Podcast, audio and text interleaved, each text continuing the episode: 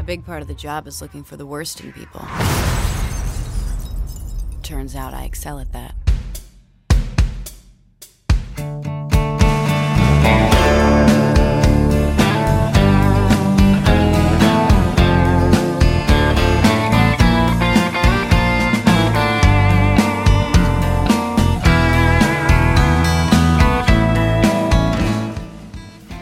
Nordlendinger og en sørlending kom inn på en bar. Bartenderen så opp og spurte pent hva dere skal ha å drikke. Nordlendingene sa pils. Sørlendingen sa et glass vann. Og hva var punchline, Magnus Tellefsen? Uh, jeg vet ikke. Jeg har ingen idé. Her er improv. Improv, det er improv Lolbua. Her, her kicka jeg i gang en story. Ah, Så riktig. skjønte Du er i gang sikkert- rett på teatersporten, Ja, ja, som jeg er så du glad i. skjønte sikkert at det var oss tre, da, fordi det var to nord nordlendinger og en sørlending. Så det Ja, liksom... men liksom jeg er jo en gjerrig kristen sørlending, vet du, som Ja. gjør vann til vin. Så det var sånn jeg løste det problemet på baren. Ja, nettopp. Det du, det du gjør Ja, det, det er et godt poeng. Lars, har du en bedre punchline? Nei, Sørlendingen har jo gått seg vill og bare lett etter kirka. Det er jo det han har gjort. Så jeg bare Hæ? Hva, er, ikke det, er ikke det bibelstudier her? Eh, Ja, så kan jeg avslutte med noe med den fleipete apekatten Julius, eller Det kan være en Julius-vits. ja, Eller Eller, eller så kan det være at alle kom inn, og at, eh, at eh, det du ennå ikke har fortalt, er at alle var i fyr og flamme, alle brant, og eh, nordlendingene gikk for pils, mens uh, sørlendingene gikk for vann. Det er den eneste løsninga til vann. Men husker du Ja, jo det- når vi brukte å starte sendinga med en sånn litt liten sånn morsomhet? eh, Gjerne lite forberedt vits eller et eller annet sånt. Ja, der. det er jo flere år siden. Men nei, du ble jo så sur for det, Lars. Det var jo problemet. Du ble så oppgitt over Jon Cato sine introer. Nei, ja, jeg husker ikke helt husker hva som skjedde Jeg tror det ble litt hissig, hissig på slutten der. Men ja, velkommen til Lolbua, alle sammen. Du Det var nok et eh, en total katastrofeforsøk på å åpne Lolbua på en ny måte. Jeg føler det er litt sånn pressure hver gang jeg skal åpne, for jeg vil ikke gjøre det I Mange podkaster så er det akkurat samme, og det første minuttet er identisk i hver eneste podkast. Ja. Det er det. Eh, det syns jeg er litt kjedelig. Eller det er, det er litt greit da, da. Kanskje du kommer inn i rette sinnsstemninga. Kanskje vi skulle begynne med det. Bare ta, ta et sånn standardopptak og kjøre i, i reprise i starten av hver sending. Ja, nå har jo faktisk lytterne hørt på eh, Det er vel ti minutter med ferdig innspilt uh, introsamtale i Lolbua, har de ikke det? Nå før vi nå må vi ikke avsløre for mye av hva som skjer i kulissene. Men velkommen til Lolbua skal du være, kjære lytter og kjære seer. Uh, vi eh, har en fullpakka sending i dag om spillåret 1994. Er det dit vi er kommet? Yes. Mm. Veldig kult. Og vi skal også snakke om litt andre ting, sånn som hva de tre bukkene Bruse, Jon Cato, Lars og Magnus har gjort i det siste. Og da kan vi begynne med den minste Bukkene Bruse fra Sørlandet. hva, du driver og skotter vi, vi ser jo hverandre på kamera her vi spiller inn. Jeg ser Magnus Ja. driver og skotter til høyre hele tida. Jeg mistenker at enten så driver eh, hans eh, kjæreste og, og prøver ut ny, nytt undertøy der på sida, eller så er det noe sånn teknologi på gang. Det er faktisk like interessant som det. Um, jeg, jeg har jo uh, blitt eh, lei av å vente på den der fuckings elite-kontrollen. Så etter å ha uh, hatt et ganske hektisk uh, døgn sånn skolemessig, og døgna med, med sånn gruppearbeid og Jeg har rett og slett sovet veldig lite de siste 24 timene, og da bestemte jeg meg for å ta en eh, lite eh, overveid eh, økonomisk beslutning eh, til min egen fordel. Og eh, solgte min gamle Xbox One. Og eh, har gått til innkjøp av en Xbox One Elite-konsoll. Som bl.a. inneholder den nye håndkontrollen. Oh, en helt ny konsoll. Ja, eh, og det er jo den som har sånn eh, hybrid eh, harddisk også, der en kjører OS på en SSD-disk, som gjør at hele driten loader mye raskere enn en han normalt gjør. Ja, så kult. det er bare så det liksom blitt en PC, da. At det, den her modellen kommer med SSD, og den her har litt ja, ekstra ram, og den her har bedre kontroller, og Ja, Var det ikke akkurat det tullet de drev med på 360 med arcade version og, Ja. og full version og sånn?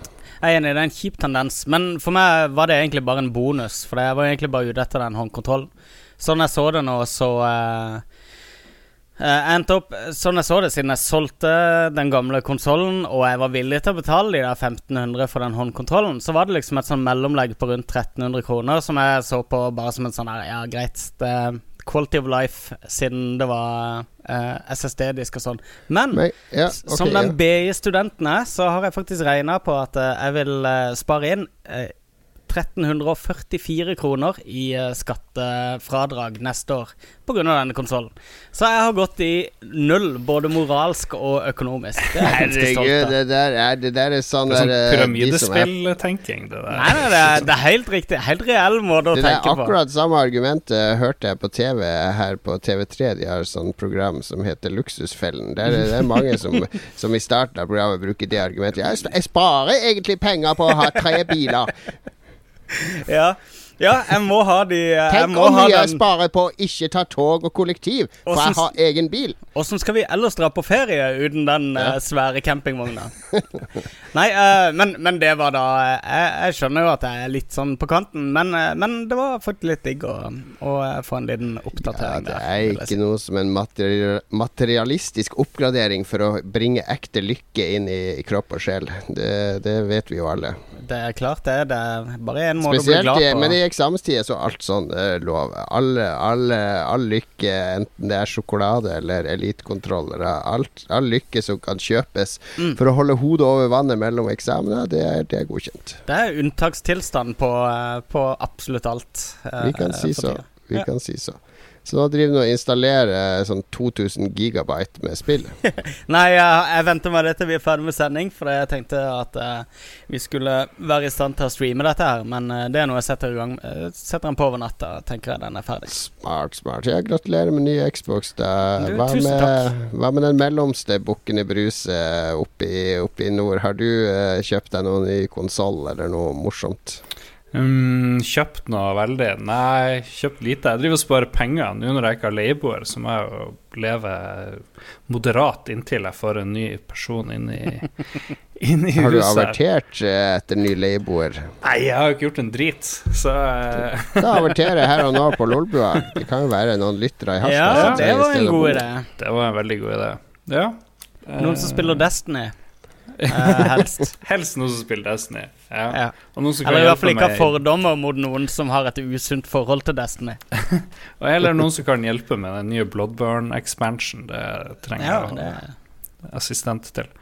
Um, Ellers så har jeg sett det her jævla Jessica Jones-driten, som jeg vet han eh, Magnus også har sett.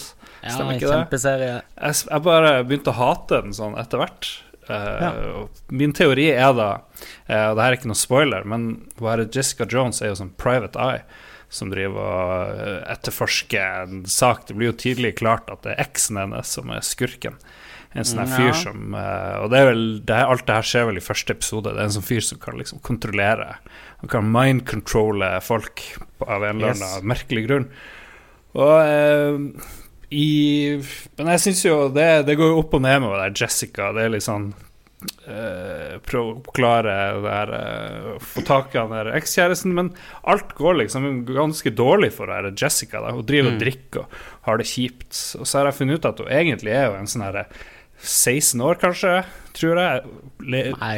og driver og tenker ut en fantasi på hvordan det er å være voksen som en sånn superhelt. Men så gjør hun alle, alle handlingene sine som om hun er 16 år, veldig umoden. Så alt handler om å komme med sånne elendige ideer på hvordan du skal løse ulike problemer, og så går det feil, og så har hun mye sex. Det er liksom det er det hele serien går ut på, egentlig. Alt går galt, og litt sånn der eh, tørste etter mannfolk. Og krangler med søstera si, og en sånn morsfigur og noe greier. That's it. Jeg kan jo eh, presentere det på, i et litt annet lys, da siden jeg har satt meg litt inn i, i storyen og sånne ting. Det handler om Det er ikke en, noe eh, vits, fordi jeg tar helt rett. Det handler om en tidligere superhelt som eh, etter åtte måneder i en psyko, ond massemorder med mind control-krefter sin kraft Hun har vært, eh, holdt, eh, vært mindcontroller han over åtte måneder, hvor hun har blitt beordret til å gjøre spoiler du jo masse. Det her kommer ikke fram Dette er for episode to eller tre. Jo, jo, men for, det, Nei, nei, men å det, dette, er utgangs, dette er utgangspunktet for Ja. serien. da uh, Og der sitter hun med super uh, posttraumatisk stressyndrom uh, i huet og ræva og uh, drikker, drikker, drikker, drikker og graver seg ned i elendigheten. Ja, Men det er liksom ikke nok. Hun er bare dum i tillegg. Hun er jo Nei, hun er ikke det. Er det hele tatt. Jeg vil at du skal arrestere ham, fordi jeg har ikke noe bevis, men jeg vet at han er ond. Og så må du Du, jeg, jeg pleier å være ganske raskt ute til å, til å calle sånne ting. Jeg, jeg liker absolutt ikke Daredevil, f.eks. Som er en serie som, som er fletta sammen med Jessica Jones. Så det jeg har sagt, det foregår i, eh, i samme område, uh, Hell's Kitchen i New York, dette her også. Daredevil er mye bedre, bare for å si det. Ja, det syns jeg òg. Nei, Daredevil er grusomt dårlig, syns jeg. Men, men eh, når jeg ble uh, Jeg fant eh, Jeg tror det var Verge eller noe som hadde en artikkel om tegneserier du bør lese i forkant før du, før du ser uh, Jessica Jones. Og eh, Så jeg signa opp på det der Marvel Ultimate, eller hva det er det heter for noe, en sånn streamingtjeneste som Marvel har, på 15 000 Det er helt åpenbart at det er eksamen rett rundt hjørnet. her. Ja ja, dette er Men uh, dette Binge-watching av Jessica Jones, Yes. og så binge-reading av alle Jessica Jones-seriene. Ja, jeg har allerede lest ferdig Alias, som er den som denne serien er basert på. Og er snart ferdig med The Pulse, som eh, også eh, handler om Jessica Jones. da Men det som er kult med Jessica Jones, er at det, det fokuserer på eh, Altså, sånn som uh, Har dere lest noe Discworld-bøker, eksempel? Mm. Ja. Eh, en ting jeg likte veldig godt med Discworld-bøkene, er at veldig mange av de handler bare om, om folk som kanskje ikke nødvendigvis befinner seg i, i midten av de der aller største hendelsene og begivenhetene i, i Discworld. De er mer bare Du får liksom se denne fantastiske verden fra litt mer sånn fra bakkenivå, da. Og det er der Jessica Jones også er. Hun møter på Og masse Daredevil. Mhm. Og Daredevil. Ja, ja, ja. Men, men hun møter på massevis. Uh, Jessica Jones er jo uh, Hun jobber jo for Daredevil i tegneserien, faktisk. Eller for han derre Murdoch. Um, men, men du får liksom hele tida dette inntrykket. Altså, de er liksom ikke på jobb i trikoter og sånne ting, disse superheltene, når hun er i kontakt med dem. Men de prater mer liksom om livet generelt, og uh, Det er en veldig kul måte å beskrive Marvel-universet på, da, som jeg inntil nylig har forbundet med veldig sånn spektakulære episoder og, og sånn storslagne hendelser, da. Så eh, veldig Jeg anbefaler i hvert fall eh, tegneserien. Sett seg inn i de, for det er en veldig kul måte å vinkle Marvel-universet på. Tegneserien er sikkert bra, men jeg føler at den her eh, Jessica Jones TV-serien er mer sånn et prosjekt hvor man skal la både heltinnen og skurken være litt sånn lett tilbakestående og se hva som skjer da. Ja, men eh, altså Det utvikler seg veldig bra, den serien. Eh, det er ganske tydelig at hun har vært med å skrive Dexter, hun som står bak serien. Eh, og veldig glad i massemordere, uten å røpe for mye. Ja, nei, det, jeg har bare sett fire episoder, men foreløpig så liker jeg Daredevil mye bedre. Men det kommer av at jeg syns Daredevil har mye bedre regi og mye mer identitet i episodene. Hver episode av Daredevil er som et kompakt tegneseriehefte. Eh, Ja. Bygd opp akkurat som et tegneseriehefte. Jeg føler Jessica Jones de, de er, Eller det var kona mi som sa det når vi så på, at hun syntes den minte om en litt sånn der uh, utvanna versjon av Sherlock. Eh, fordi det er litt sånn der eh, ville sånne her forsøk på kryssklipp, og det er de der flashback, og det er Og det er en sånn skurk som bygges veldig, veldig opp, akkurat som i første sesong av Sherlock med han Moriarty. Ja. Som var en sånn myteomspunnen skurk det, som Sherlock bare refererte til i sånn mystiske eh, at, han ble veldig sånn bygd opp, og det samme gjør det her. Og så viste det seg at det bare han der eh, detektiven fra Broadchurch som var skikkelig nedtur. Men Nei, men Han er kjempekul. Men men, det, er, det er grei underholdning, syns Mm. jeg. Og jeg liker veldig at det tar inn til Marvel-universet, selv om det blir litt sånne krampaktige referanser til Avengers i annenhver episode. Hun er en tidligere adventure. Disse monstrene som ødela byen.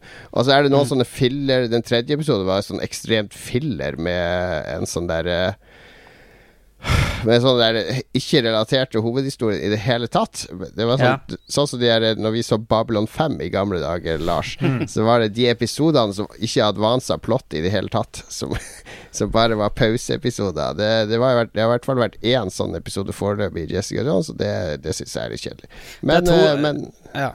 Um, det er en av de tingene jeg også har å utsette på det.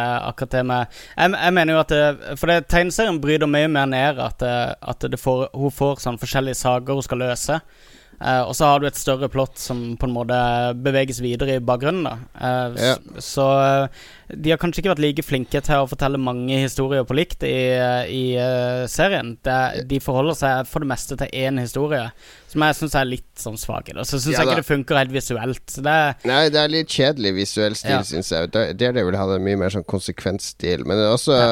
må huske at jeg er biased, da, for jeg er jo Marvel Silver Age-fan da, og Jessica Jones og denne karakteren Jewel. Jeg tror ikke de oppsto i Silver Age, ikke som jeg kjenner til, i hvert fall. Når var var Silver Age-vilkår? 60-tallet. 60 60-tallet. Ja, riktig. Jessica så Jones er er fra vel nyere 90-tallet. tid, så det er sånn der oppstandasig eh, punk-ass Marvel-oppfinnelse. Så det, det fnyser jeg av i utgangspunktet. Ja, ja, ja. PS fillerepisoder så var jo X-Files best når det var sånne filler-ting, og det ikke hadde noe med den der kjedelige ja. smoke-duden, han Cancer Man. Cancer Man. Når de plutselig ble låst inne i en sånn her hytte ute i skogen, og det kom sånn her Frankenstein-monster de måtte liksom Det var jo sånn det begynte, og det var jo sånn det burde vært. Og når Scully ble gravid med en alien, og det tok altfor mye av det. der. Det ble jo Ja, tullete. er søstera, eller hva det var til han der. Ja. La oss ikke mimre X-Files. Jeg hat Jeg husker X-Files. Vi var så hypa i starten, altså etter tre Ja. episoder. Altså, vi måtte se det, da, men vi- hata jo alle episodene. Jeg husker folk trodde det var Det gikk liksom litt sånn rykter om at det var ekte X-Files fra FBI. Ja, for det sto jo under sto det 'Believe'. Hvordan rykte var det? Det har jeg aldri Nei, det var rykter om at dette var reelle sånne der u uavklarte saker. Det var basert på det, men eh, Det var, fordi det var rett sånn pre-internett. Det var bare internett på universitetet da. Så. Ja. Satt på, på Bibsusen. Yes. All right, jeg kan jo dele litt av hvert. Jeg har, eh, vi hadde vår tradisjonelle lutfiskmiddag her i Oslo. eh, meg og mine Harstad-venner. Det er noe eh, Det er noe man skjønner når man Eller når du Det er et sånt tegn på at du er blitt voksen, at du har sånne tradisjoner som, som ikke foreldrene dine eller andre i familien har igangsatt, men som du og vennene dine har igangsatt. Ja. Fordi når du er ungdom, og når du er student og whatever, så har du ikke tid, eller Du vet ikke hvor du ender opp, du er ikke etablert, men når du blir etablert, så har man liksom Miljøet rundt deg faller på plass, og så kan man begynne å opprette tradisjoner. Ja, men så, så møter du vennene dine hele tida òg, da.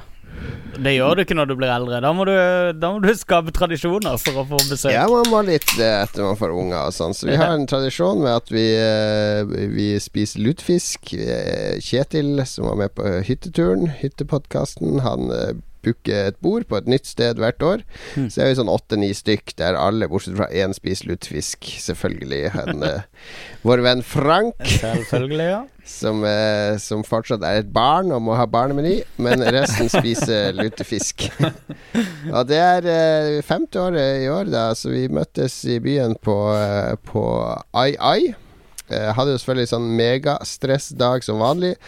Og så alle hadde dukka opp på Ai Ai lenge før meg, da. Og så på T-banen på vei ned så sender jeg de en sånn GroupMe-melding med at uh, kommer ikke fra jobb og driver med sertifisering og sånn. Og de bare 'hæ, kødder du?' Og så får jeg sendt de sånne der screenshot av sånn mail med must fix bug og ditt og datt fra Sony. Ja, Var det kødd, den mailen her, eller? Det kan det jo ikke ha vært. Nei da, det var en reell mail. Ja. Du får masse sånne mailer, men jeg er jo ikke koder, da. Så, og jeg tror ikke han koderen jobber noe bedre at jeg står over skuldrene og ser at, Det, at eh, Passer på at han gjør det. det Ja, det regner tror jeg Så- ja. Det regner med Jon, blir du å invitere, ikke på det her spillet, men på neste? Du vet det er jo sånn populært å ha sånn The Last Hours of et eller annet spill, ikke sant? Half-Life 2 og Hvilke andre spill har det vært gjort? Det er han derre Jeff Last Keeley. Hours jeg har aldri hørt om.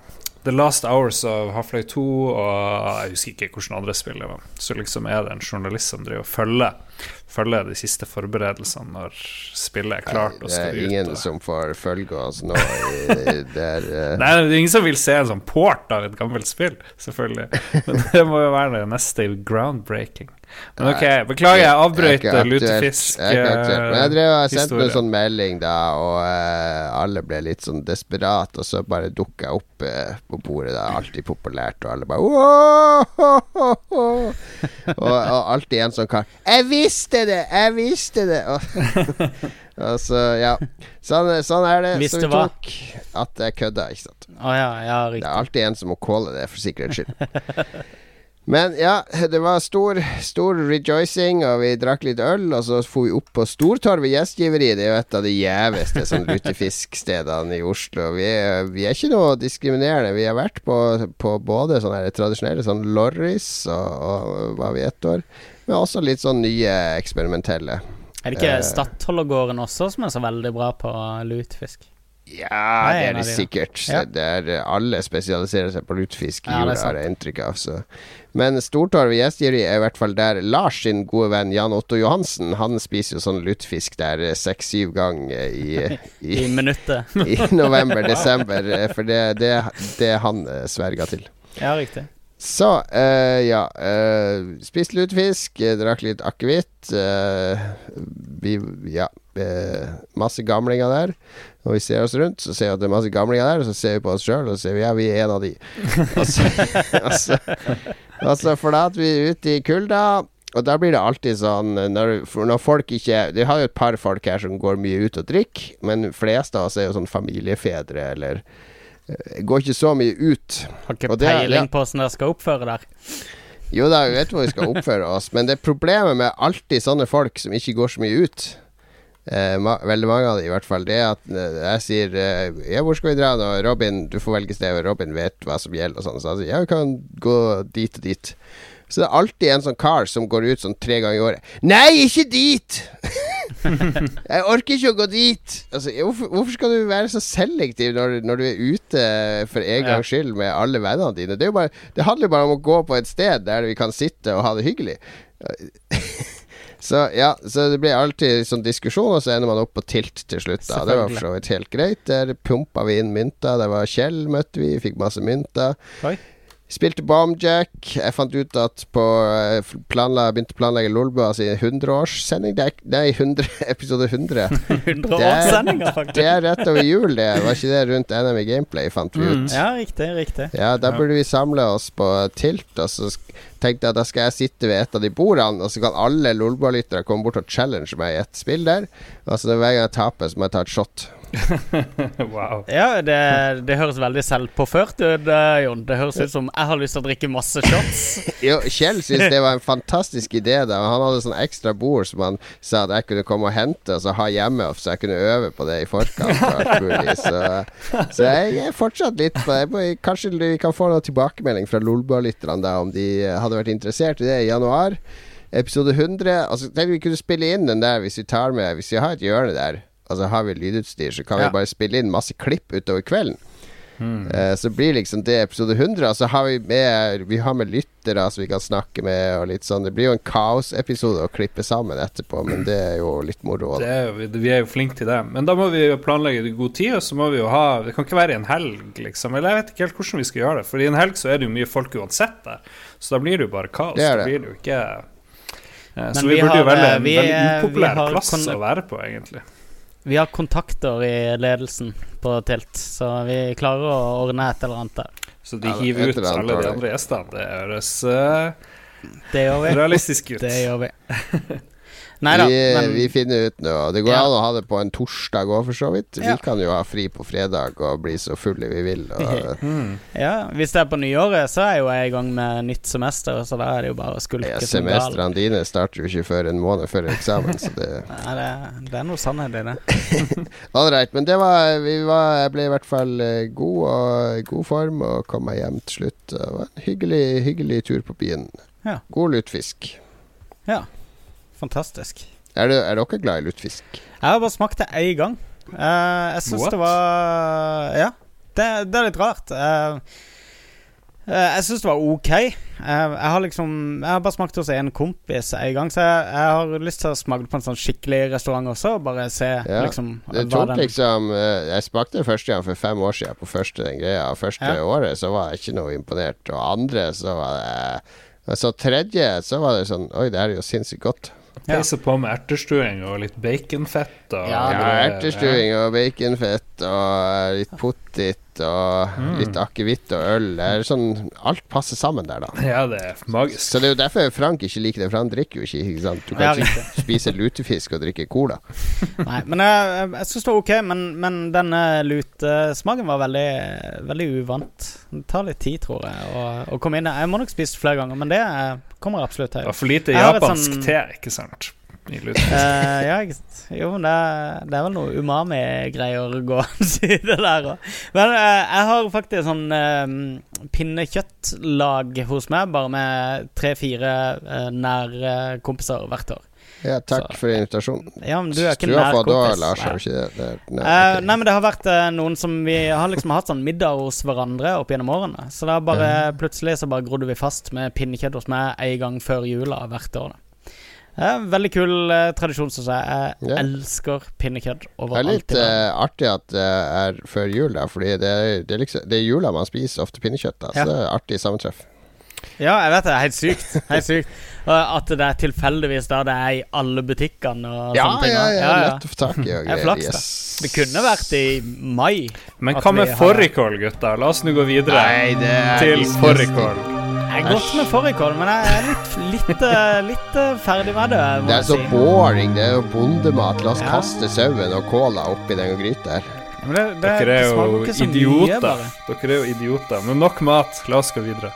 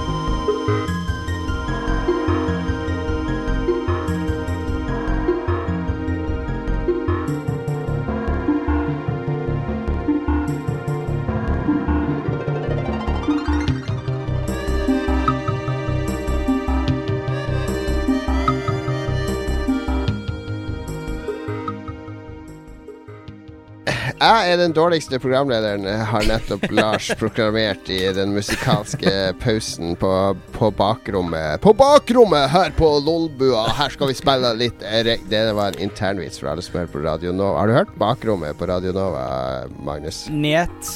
Og det er en, han heter Helgar. Det er det mest nordnorske navnet som finnes. Helgar.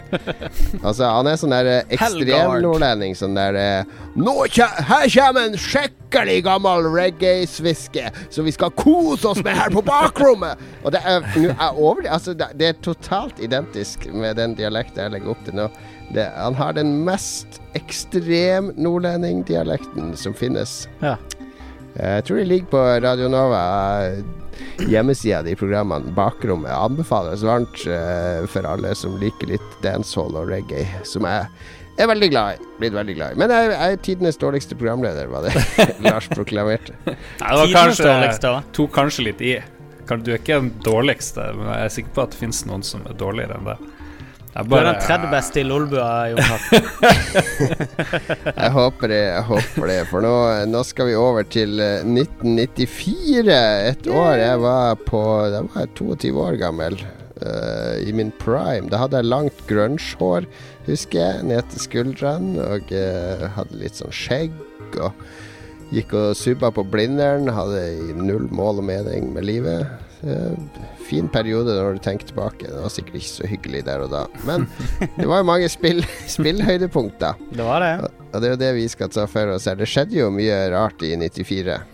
Gjorde det? Ja, det er ikke det året før uh, PlayStation kom i Japan det året? Ja, jeg vet at han OJ Simpson flykta fra politiet i en hvit bil det året. Don't Ja, det husker jeg godt. Men, det så det jeg på TV. Jeg vet Det ikke. var sånn rettssak. Men det er hansken. Det var Har vi ikke snakka om, eh, har vi ikke snakket om OJ Simpson før? Ja, det er Lars som har bytta ut Donald Trump-spalten sin med OJ Simpson. Alle Lars sine forbilder i USA De er enten eh, reaksjonære idioter eller, eller konemordere. Det stemmer. Uh, OL i Lillehammer var 94. Det må vi jo ikke Ja, ja, Det var det kom- Nå kommer han med Tanja Harding. ja, nettopp. Men eh, ja, dere var sikkert mot OL i Norge, da. Regner jeg med, siden dere er litt negative sånn generelt. Uh, Jeg, jeg, var ikke engasjert i det hele tatt i det, tror jeg. Jeg skjønte ikke konsekvensene av å ha et OL i Norge. Jeg var, for i Tromsø, så var jeg selvfølgelig mot å ha i Oslo da det var liksom Skulle kuppe det. Ja, da. det var jeg veldig imot da i Oslo. Fuck OL i Oslo. Ja, men jeg, jeg er ikke noe for de der store IOC og Fifa og de her svære organisasjonene, for jeg syns de har vokst seg til sånne store monstre, så jeg vil ta det heller tilbake til grasrota. Ja, fra da OL var bare tre stykker som arrangerte. Og Nei, men eh, la det nå handle om OL har jo idrett, og ikke at det skal være en sånn plog for McDonald's og Coca-Cola og alle andre merkevarer. Nei, men det er jo ingen Det er jo ikke veldig kontroversielt å mene i dag. De, både Fifa og eh, IOC har jo fått enormt med, med motbør. de Det er jo bare sånne korrupte diktatur og u-land som, som har lyst til å arrangere de tingene. Ja, Var det ikke der? Norge og Usbekistan og Nord-Korea eller noe som var hypp på vinter-OL? Omtrent. De snakka om det faktisk, om da Norge hoppa av den OL-kampen. eh. Ja, og Brasil sliter jo sinnssykt nå etter eh, fotball-VM med, Ja, ja. med ting som ikke fungerer, og alltid kaster bort penger på. Nå skal du jo ha OL til sommeren òg, tror jeg. Ja, de måtte jo basically ned til Når de skulle finne en ny um, sånn her um, midlertidig leder for Fifa nå. Ja. Så er alle under granskning, så de måtte jo basically ned til vaktmesteren i I en eller annen liten eh, avkrok for å finne noen som ikke da var under granskning for et eller annet korrupt uh, skandale. Jeg er ledig. Kanskje- Jeg melder meg frivillig til å Ja, du burde vel tatt over som Fifa-leder. Kanskje min favoritt i alle disse systemene, det er han der uh, Yngve Hallén i Norges, Ja, ja, ja. Norges Fotballforbund. Han som bare sitter på gjerdet i alle saker, og så venter han til Fifa eller noen har sagt Nei, Michel Platini, han er, han er slem. Og da han bare Ja, nei, han er slem, ja! Ja, ja, ja. ja, ja. Han har funnet frem eh, har spurt fem minutter fakkel. før, så er det sånn Nei, nå skal vi Nei, nei, nei. Aldri ta standpunkt. Det er den største værhanen i, i idrettshistorien. han Ja, der han var eh, veldig løsningsorientert da de der razziaene begynte. Ja, det var vel nå denne uka her han fant frem eh, høygaffel og fakkel og joina hordene. Ja, okay. Men det er nok eh, ja. sport. Snart til 1994. 1994. Glem Lillehammer. Glem Lillehammer. 94. Yes. Vi har masse gode bidrag. Skal vi begynne der? Ja, skal, skal du begynne, Lars, med han Christian Tjessem? Har vi fått fra han før? Ja, det var jo slekt med. Tjessem Høiby, var det ikke det? Eller husker jeg feil? Det- Det er han. Ja. Skal vi se. Eh, Christian Tjessem sier 'får ikke hørt'. Sett live i kveld, dessverre. Stuck på bygda i Hampshire, UK. Jeg har eh, Det her står ikke der, men jeg vet at han er der for å kjøpe drugs. eh, for å ta med partydop. det er det jeg forbinder med Store- England. Ja, det ligger Store kvanta. He- Hampshire. Hampshire ja. Tjessem og Ja. sånn Høiby og greier. Ja. Gyldig fravær, jeg lover. Men jeg husker godt at det gikk med utallige timer både i Descent og Colonization. Eh, Sid Meier har for øvrig stjålet mange timer opp gjennom åra. Ikke bare i Colonization. Descent eh, det er et litt sånn bortglemt eh, spill i, Ja. eh, i den der korridorsshooter-sjangeren. Ja, det kommer jo en sånn re remake av det nå. Ja. Jeg tror det har vært på Kickstarter, faktisk. Ja. Um, jeg var på en sånn messe RTX i Austin som jeg snakka om før, og der var de Dissent-folka med en egen stand, og det så, så bra ut. Var ikke de Samarbeider ikke de med id Software? Eh? Det, husker jeg ikke, men det kom liksom på den samme bølgen med Ja, ja. 3D Exploration Games. Jeg husker at uh, det var veldig Ja, ja, altså, det var veldig kult hvis du hadde joystick òg, så ble det enda kulere. Men det var mange som ble sjuke av det, da, fordi det var ikke noe sånn opp-ned uh, Ja, det var heftig. Det var ja, altså Perspektivet var ditt uansett, så du kunne fære rett opp i, tak i en korridor. Så kunne du rotere litt og snu, og så får du Ja, det, det var, du visste ikke hva Det var ikke noe klart opp eller ned. Stemmer det. Men Colonization er også veldig bra. Det hadde jeg jo på originalen. Og det kom nylig ut, tror jeg, i sånn iPad-utgave. eh, som jeg ikke har prøvd, men som jeg tilfeldigvis hørte noen prate om her om dagen. Så Yes. det er sikkert verdt å sjekke ut hvis du var Jeg Colonization-fan. husker aldri hva som er forskjellen på colonization og civilization. I Colonization så handla det om at du kom til USA og skulle kolonisere USA. Og så kunne det være Frankrike, England, Spania osv. Og så var det forskjellige scenarioer, så kunne du ha random generert kart osv. Men egentlig det samme, liksom? Eller Det vet ingen. Uh, ja, litt samme grunnsystemer, da, men det var mer sånn historisk bunn. Civilization, så kan du gå Det er litt Fundamentet det Starten er det samme uansett. Mm. Og bare du forsker ulike teknologier. Ulike Ja, du begynner med litt sånn forskjellige teknologier innebygd. ja, så tror jeg du hadde noen sånne scenarioer òg i Colonization som du kunne prøve på. Det var veldig kult spill. Det var litt, Neste var eh, ut. pes, det var litt ekstra baksnakking for han Christian Tjessem. Fordi han sa han kunne ikke høre på oss live, så da sa jeg til Riktig. han at vi skulle baksnakke han veldig. Så det var, Det var han, egentlig Uh, du holder alltid det du lover. um, Jonny Steffen Ness. Det var vel Ja. han vi mente var en uh, ehm, etterkommer etter Arne Ness, var det ikke Ja, det? store filosofen. Store filosof, etterkommeren Jonny Ness. Er- Altså, en filosof ville jo aldri kalt uh, barnet sitt for Johnny Steffen. Hvorfor Hva ikke det? er det galt med Jonny Steffen? Johnny Steffen er et sånn nordnorsk navn, så det, det kommer fra Nord-Norge. Men du vet, filosofer er veldig opptatt av spørsmålet hvorfor. Hvorfor? uh, I hvert fall. Uh, Jonny Steffen Ness uh, sier Tekken og Donkey Kong.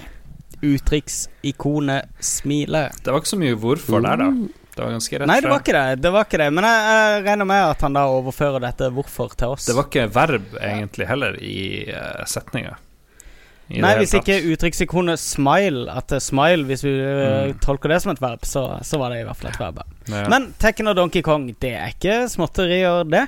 Jeg syns jo Tekken var dritt frem til Tekken 2 kom, kanskje. What? Men uh, det var jo enormt populært da det dukka opp i sin tid. Tekken hadde jo ekstra effekter. Det kom sånn gnistre, det kom litt sånn ild, kanskje. Ja. Eller Ja, sånn. den der eh, Batman Akkurat som Bat, gamle Batman-serien fra 60-tallet. Ja. Sånn blam og pow. Nei, det var mer sånn partikkeleffekter og sånn lysting. Og, nei, jeg husker jeg likte Tekken med en gang bedre enn det der litt sånn tørre og sterile Virtua Fighter. Ja. Det er fremdeles enig Magnus var, var på Battle Arena Toshinden-kjøret helt til Tekken 2-an, så det Nei, det var jeg faktisk ikke. Uh, men jeg spilte Battle Arena Toshinden litt. Jeg syns det var artig. Veldig rask fighting. Nei, men det er to, eh, to bra spill. Og Donkey Kong er jo Det han snakker om her, er jo rare. Eh, når de tok Donkey Kong-lisensen fra Nintendo og lagde Og det var revolusjonerende grafikk som de fikk til på Super Nintendo på den tida.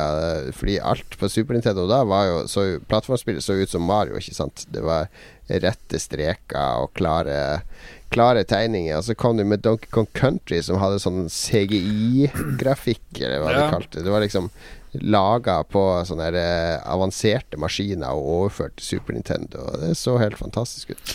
Ja. Tror du var Donkey Kong litt inspirert av Mortal Kombat? Ikke at det har noe med hverandre å gjøre i det hele tatt, men det hadde jo blitt mer realistisk grafikk i, i Mortal Ja, de, Kombat. de var jo samme tida. De lagde Killer Instinct. Så det, Mm. det, de, det, det var, brukte vel òg de SGI-maskinene som de skrøt sånn av på den tida. Ja. Så Mm. det, det er jo samme, samme grafikere, tenker jeg. Jo da, men eh, ja. Vi, det er mange som nevner Donkey Kong, så vi skal få mange sjanser til å snakke om både grafikk og, og, og musikk. Det, vi kan jo gå til nestemann, nemlig han Adrian Haugen.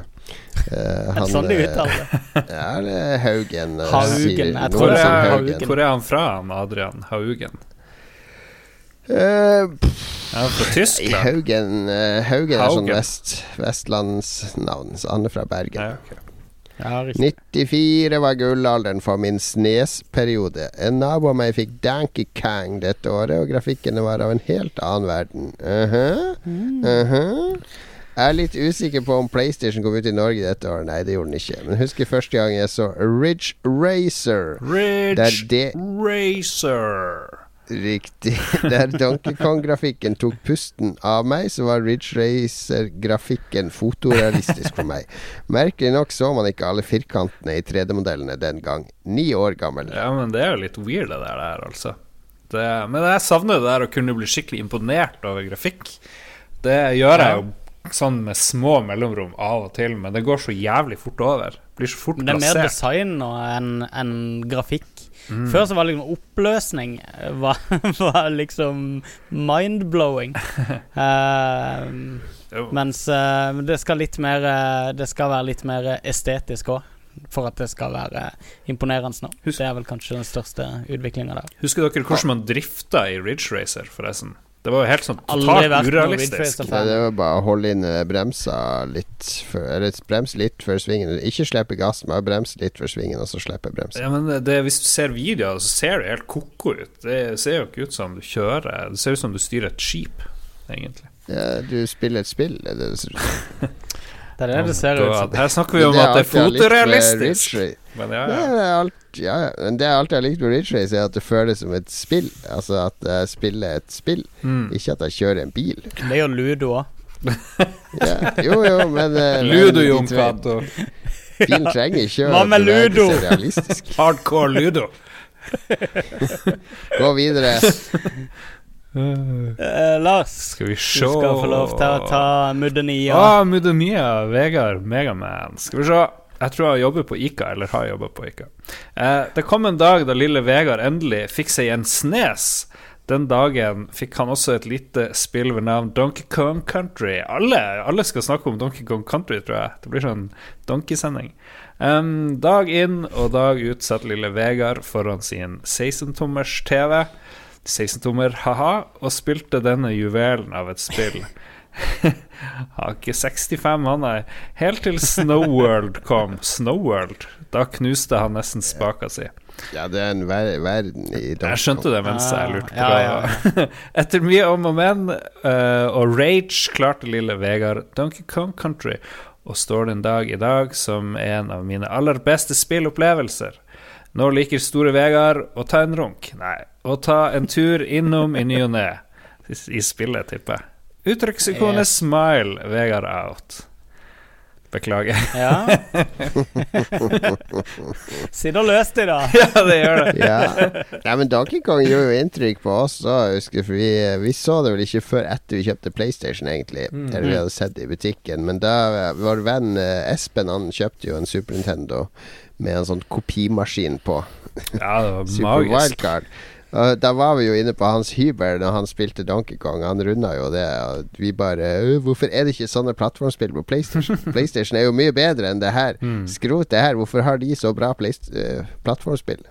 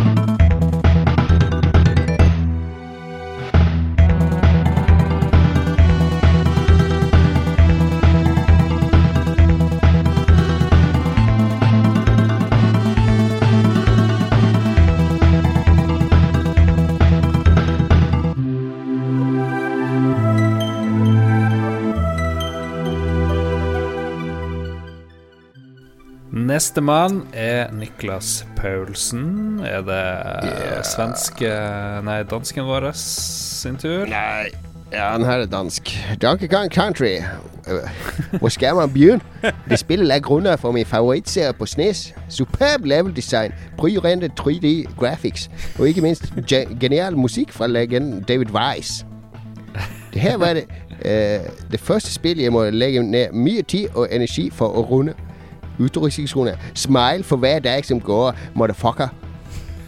Der kom det en liten ekstra typisk dansk motherfucker inn i slutten der.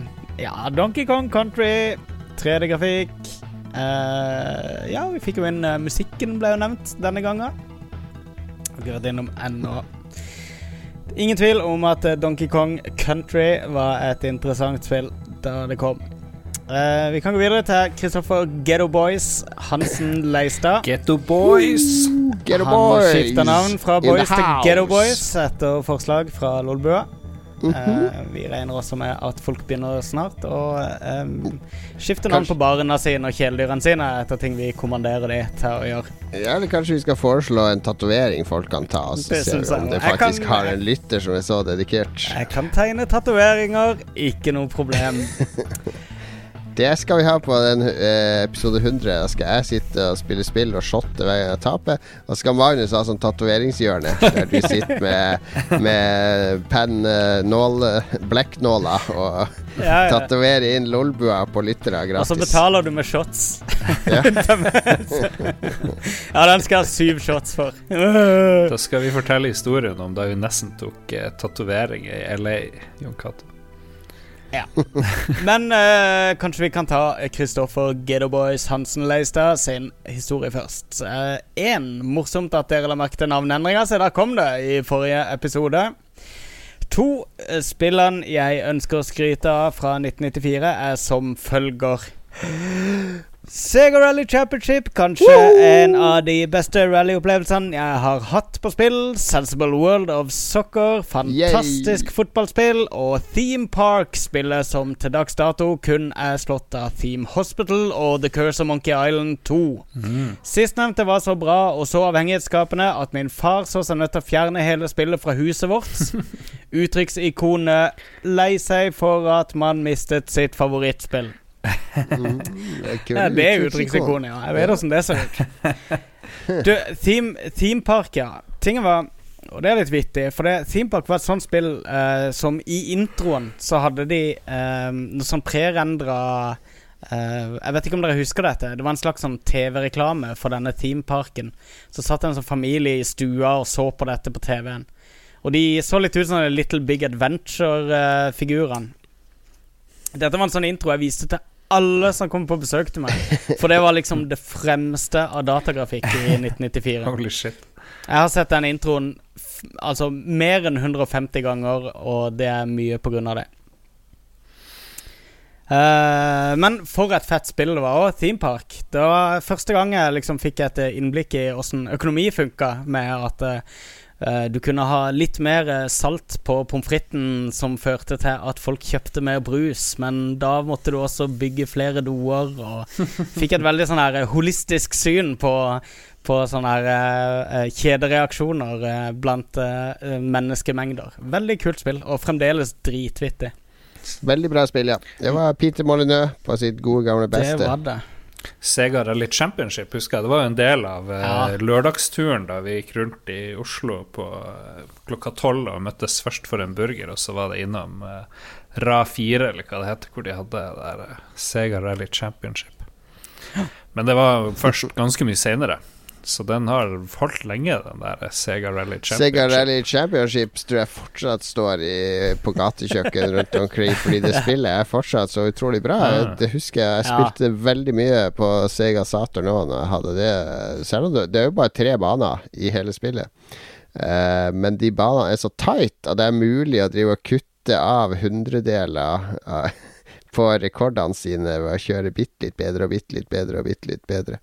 Kanskje morsomst med det spillet er jo at det er han Tetsuya Mitsuguchi som har laga det. Han som har laga Ress og um, uh, Hva heter det, det Q-spillet og Every Extend Extra og Lumines. Ja, Han, han, og Space Channel 5. ja. Så han lagde jo bare sånn musikkpøsselspill etter Sega Rally, omtrent. Men det var dritkult. Jeg spilte det mye på Arkade i Kristiansand, faktisk. Det er et av de få uh, Arkadespillene jeg var ordentlig hekta på. Mm. Veldig, veldig, veldig fett. Uh, ja, Jon Cato, har du lyst til å gå videre? Men han eh, André? Hvorfor skal jeg gå videre? Jeg hadde jo han, alltid kommet sånn lang en. Det er Lars sin tur, for jeg hadde han Ja, det er det. Ja, det er Lars sin tur. Du må ikke krangle om sånt. Du må, du må ta det som en pro, eh, Jon Cato. Hvordan tror du André T. Er Bergo føler seg nå, Jon Cato? tur. Ja, men jeg skal, jeg nå føler han seg bare som en kasteball.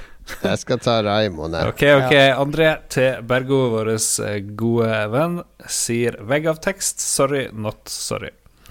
1994, ja. Oh my. Hvor skal man i det hele tatt begynne uten å skrive side opp og side ned, kun iført navn på spill som den dag i dag fremdeles er helt konge?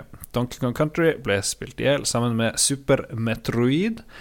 Uh, Super Metroid har vi vel ikke nevnt. Uh, Warcraft, Nei, det Orcs and Humans Commodore, der har jeg aldri spilt, men var jo eh, viktig. Star Wars Tie Fighter, Sonic 3, Earthworm Jim og Earthbound. Uh, mer spørsmålstegn? Ja. The Lion King, Jazz, Ja. Jazz Jack Rabbit. Jeg kjenner ingen som noen gang har spilt det. Bubsy 2. Her er Cliffy B sitt spill. Cli Mm. Cliffy B sitt uh, action Ja, jeg vet det, men har du spilt det noen gang? Ja, jeg spilte masse. Ah, ok, ja, Hvordan var det bra, liksom? Eh, jeg, jeg var aldri noe veldig fan av det, men jeg husker jeg, han Det kom et, eh, et plattformspill for ikke så mange år siden med han som har tegna det. Han som uh, designa hele Jack, Jack Rabbit. mm. Eh, også med sånne her eh, antropomorfe figurer, eller hva det heter for noe. What? Eh, er det ikke det de kaller sånne her, eh, dyr som ser ut som mennesker? Nå er du for dypt nede i eh, universitetsgradene. eh, Nei, jeg er i de mørkeste avkroker av internett, skal jeg si det. For det, er- det er veldig tett på furry-gjengen, akkurat det der. Men ja, eh, la oss fortsette. Etter, etter Ja, eh, skal vi se, han nevner også Bubsy 2. Um, TES Arena. Hva er TES Arena for noe? Det vet vi ikke. Elder Scrolls. ja, ja, Elder Scrolls er det selvfølgelig. Ah, Ja, ja, ja. Eh, men la meg nevne noen av de jeg spilte mest som ikke er høyt listet. Stunt Race FX på SNES. Bilspill hvor bilen var like mye en karakter med øyne osv. som beveget seg. Et 3D-spill så godt kunne gjøres på et SNES, med masser av underholdning til meg og min yngre bror og kamerater. Enda et spill som er utgitt i 93 eller 94, var Goof Troop til SNES, designet av selveste Shinji Mikami. Et action-eventyrspill med masse av puzzles og coop, langbein og eller Max, med hver sine egenskaper.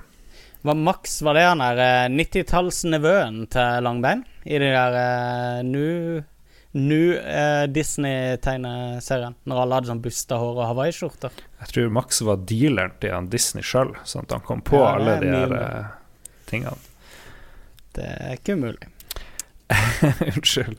Vi er fremdeles ikke ferdig. Nei, der er vi, der blir, vi blir aldri ferdig. Til og med survival-elementene som befant seg i dette spillet, og da snakker vi om Goof Troop, eh, fant veien til Resident Evil eh, senere. Et kult spill jeg og en kamerat spilte i evigheter av gangen så ofte vi kunne. Bare det å snakke om det gjør at jeg nå får lyst til å spille det om igjen og om igjen. Det er så mye nostalgi her at jeg setter det høyere enn flere spill nevnt i lista. Nå snakka han om Resident Evil, men det har ikke kommet ut for lenge, så nå driver han bare og flyter i tid, André T. Bergaard. Vi må Han arrestere bare, han. det, det tunge tallet. Han har bare tatt helt av nå. Han er i raptus. Ja, Totalt raptus det er sånn André eh, runners high han har på spillfronten. Men han nevner jo Earthbound, og det er vel ingen andre som han nevnte. Jeg vet ikke hvor stort det var liksom i Norge. Kom det ut i Det ble aldri utgitt i Nei. Norge, Nei. så det var ikke stort i det Nei, hele nettopp. tatt. Men det er jo et spill jeg anbefaler alle å teste. Fantastisk Ja. eventyrspill. Men du- Ganske dustete og lite oppmerksomhet vi vier til motherfucking Tie Fighter, som ble nevnt ganske tidlig i teksten der. Jo, men vi snakka om Vi nevnte det sist, da. Ja, vi, ja, vi nevnte at uh, Vi nevnte det? da vi snakka om X-Wing, Mm. Men Tie Fighter var jo the var jo- Fighter var litt kult òg, Fordi jeg tror alle Star Wars-spill fram til det, så hadde du bare vært eh, opprørerne. Ikke sant? Ja. Du skulle være Luke og han og, og de snille. Mens Tie Fighter så var det sånn eh, Hvordan er det å være en Tie Fighter-pilot i Imperiet? Det var sånn hm, Det har jeg egentlig aldri tenkt over, men good og fett. For å bruke et sørlandsuttrykk. Good og fett. Og så i tillegg så hadde du eh, Du hadde sånne hemmelige missions. Sånne hemmelige objectives Ja, på mange av brettene. Ja, du kunne gjøre sånn eh, ekstra objektiv for Emperoren. Eller sånn Nei, det var en sånn hemmelig- hemmelig liga Ja. som ga deg en tatoveringer etter hvert som du Ja, gikk opp i gradene og sånn. Det var var dødskult. Og pluss at uh, jeg håper ikke jeg spoiler dette spillet for folk som ikke ennå har spilt det. Ehm, men uh, du kunne jo velge om du skulle skyte ned The Emperor eller ikke i slutten, og fikk to forskjellige endings av spillet. Du skal ikke spoile et spill som er 11 år gammelt. Jeg bare tuller. Nei, Bare tuller. 21 år gammelt. Det er 21 21 år gammelt. Spoiler vei. Men utrolig mange fine spill på lista til André. Ja. Uh, du, du, kunne brukt en hel episode på alle de spillene. Jeg lurer på Men vi ja. hopper videre til Raymond Eikås Kaspersen. Mm. Doom 2, Colonization, Descent, Warcraft er spillene jeg spilte, og ikke minst UFO, som jeg har brukt insane mye tid på. Det er bare et fantastisk spill med både god stemning og spenning. Ja, det er ikke kødda engang. Uh, UFO Enemy Unknown står fremdeles som et av de beste spillene. Jeg, eh, eller det er på i hvert fall topp 50-lista mi, vil jeg si, fremdeles. Topp 50. 50. Det var veldig langt med det. Jeg har ganske Jesus. mange spill på min liste. Ja, jeg er ikke noe glad i rangeringer, så jeg har bare et, eh, en veldig stor gjeng med, med Ok, titler som Men det er, det er spill som har holdt seg sinnssykt dårlig, da. Hvis du prøver å spille eh, det der opprinnelige ufo i dag. Det er, det er ganske kronglete interface og styring. Og, Du brukte, du brukte en movement point på å snu deg til venstre.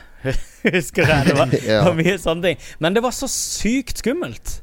Uh, til å være et squad-based, uh, sånn der militær uh, alien-plaffespill, så klarte de Den stemninga i de spillene var helt ekstrem. Det, de har langt på vei klart, eller i hvert fall prøvd veldig hardt, å gjenskape i de nye ufo-spillene, men mm, det var noe veldig spesielt. Du kunne liksom bruke det siste mo- movement pointet ditt da, på å snu deg til venstre, og da sto du fjes til fjes med en av de der som plasserte egg inni deg, sånn at du blei til en eh, alien eller noe. Nei, det var bra, bra spill. Ja, Absolutt, eh, Raymond. Du får ta han eh, Erik Bye avkom, eh, Magnus. Ja, Andersby, sønnen til Erik Bye. Eh, på den tida begynte det å bli smertelig klart for meg at Amiga ikke lenger hadde de beste spillene. Noe jeg selvfølgelig aldri innrømmer overfor mine Nintendo-venner. Beste, eller kanskje sterkeste spillminne fra den tida var nok Final Fantasy 6. Det hadde en, Oh yeah! hadde en stilig tematikk med steampunk møter magi. Og når man tror man er i ferd med å runde spillet på Floating Continent, men møter keiser... Nei, man møter keiseren over de onde og alt, så viser det seg at eh, verden i stedet går i dass, og man er spoiler alert knapt halvveis i spillet. Jeg liker å plassere spoiler alerten inn i slutten av spoileren. Det føles nesten uendelig. Jeg husker også godt klassetur til England og besøk i en arkadehall som kunne by på Alien vs. Predator, en brawler i samme stil som Final Fight. Store, nydelige sprites og masse heftige våpen. Og hvor kult var det ikke å kjøre wrestling moves på en xenomorph og smelle den i asfalten? Spør Anders retorisk. Nei, det tror jeg ikke jeg heller har spilt. Men Final Fantasy 6, for et spill. Det spilte jeg mye på min Super Nintendo.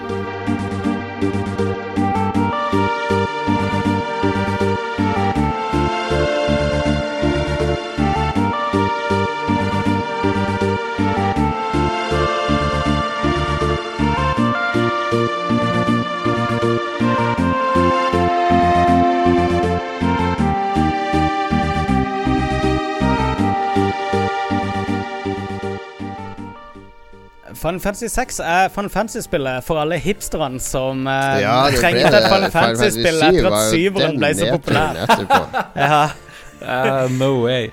Oh, så Det mange det, som retta på brillene sine, og så Ja, nei, men det er, det er jo ikke kødd. Hvis du var så heldig å få oppleve sekseren før syveren, Ja. så var det det. Fordi For det første så hadde du eh, Du kommer ikke unna at Cloud og Barrett og alle de figurene i syveren er stygge. Altså Den kule med sånne klumpete armer og bein, og de har ingen ansiktsuttrykk. Mens de spritene på SNES De hadde full av karakter i ansiktsuttrykkene. Og, og, og Det er vel én person i denne redaksjonen her som hvis navn begynner på Jon, som drev og prøvde å lære seg japansk og fortvilt spilte seg og Jeg pugga spilte gjennom hele det spillet. førsteplata av Final Fantasy 7 på japansk. Det var ingen problem, det. Men I tillegg så har uh, de eh, sekseren og de, de har chipmusikk i stedet for Mm. eh, den syvermusikken har kjipe sånne midi-instrumenter. Ja, før midi egentlig ble så veldig bra. ja, det var jo dårlig musikk i syveren i forhold til så sekseren. bra, nei, det er bra musikk i det, men det er dårlig kvalitet på lyden.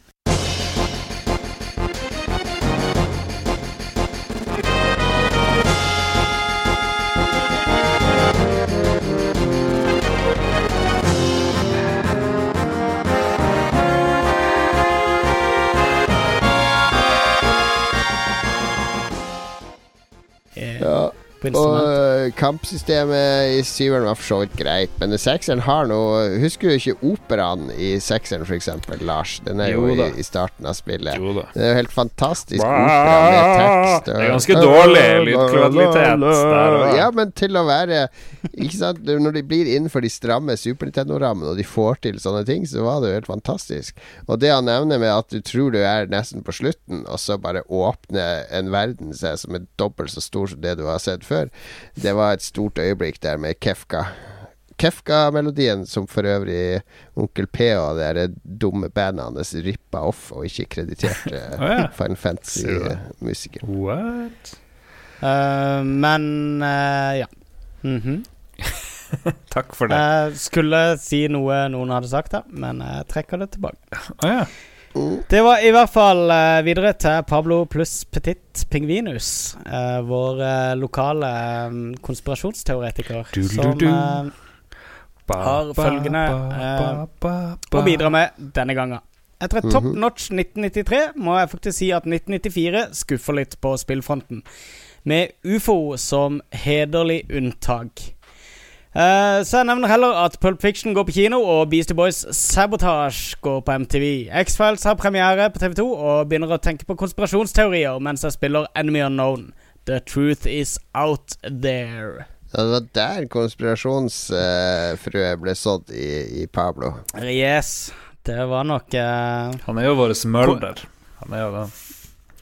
Det var kombinasjonen av X-Files og eh, UFO Enemy Unknown, tror jeg, som bare ble for mye for han. Og mm. Jeg syns at- ja, jeg syns eh, Pablo pluss Petit Pingvinus, som er altfor langt navn Jeg klarer aldri å korte det ned. Eh, P4, kan du kalle han. P4. Han har kvalitetsinnlegg, syns jeg. Ja, han er, han, er en av de som bruker litt tid på innleggene sine. Ja, det, ja. Ikke for å henge ut noen andre. Ja, men det er mange som legger tid i det. Men ja, han driver og filosoferer litt ekstra. Men, og kanskje han er et lite krydder. Han er et lite krydder, ikke sant? Ja, han er glad i å se sammenhenger og eh, sånn artige sammentreff. Og, eh, det, det er gøy. Vi setter pris på de innspillene dine, Pablo pluss Petit Pingvin Pingvinus P4. Nå blir det bare sånn konspirasjonsdrit eh, i neste Ja, leserspalte. Lytterspalte.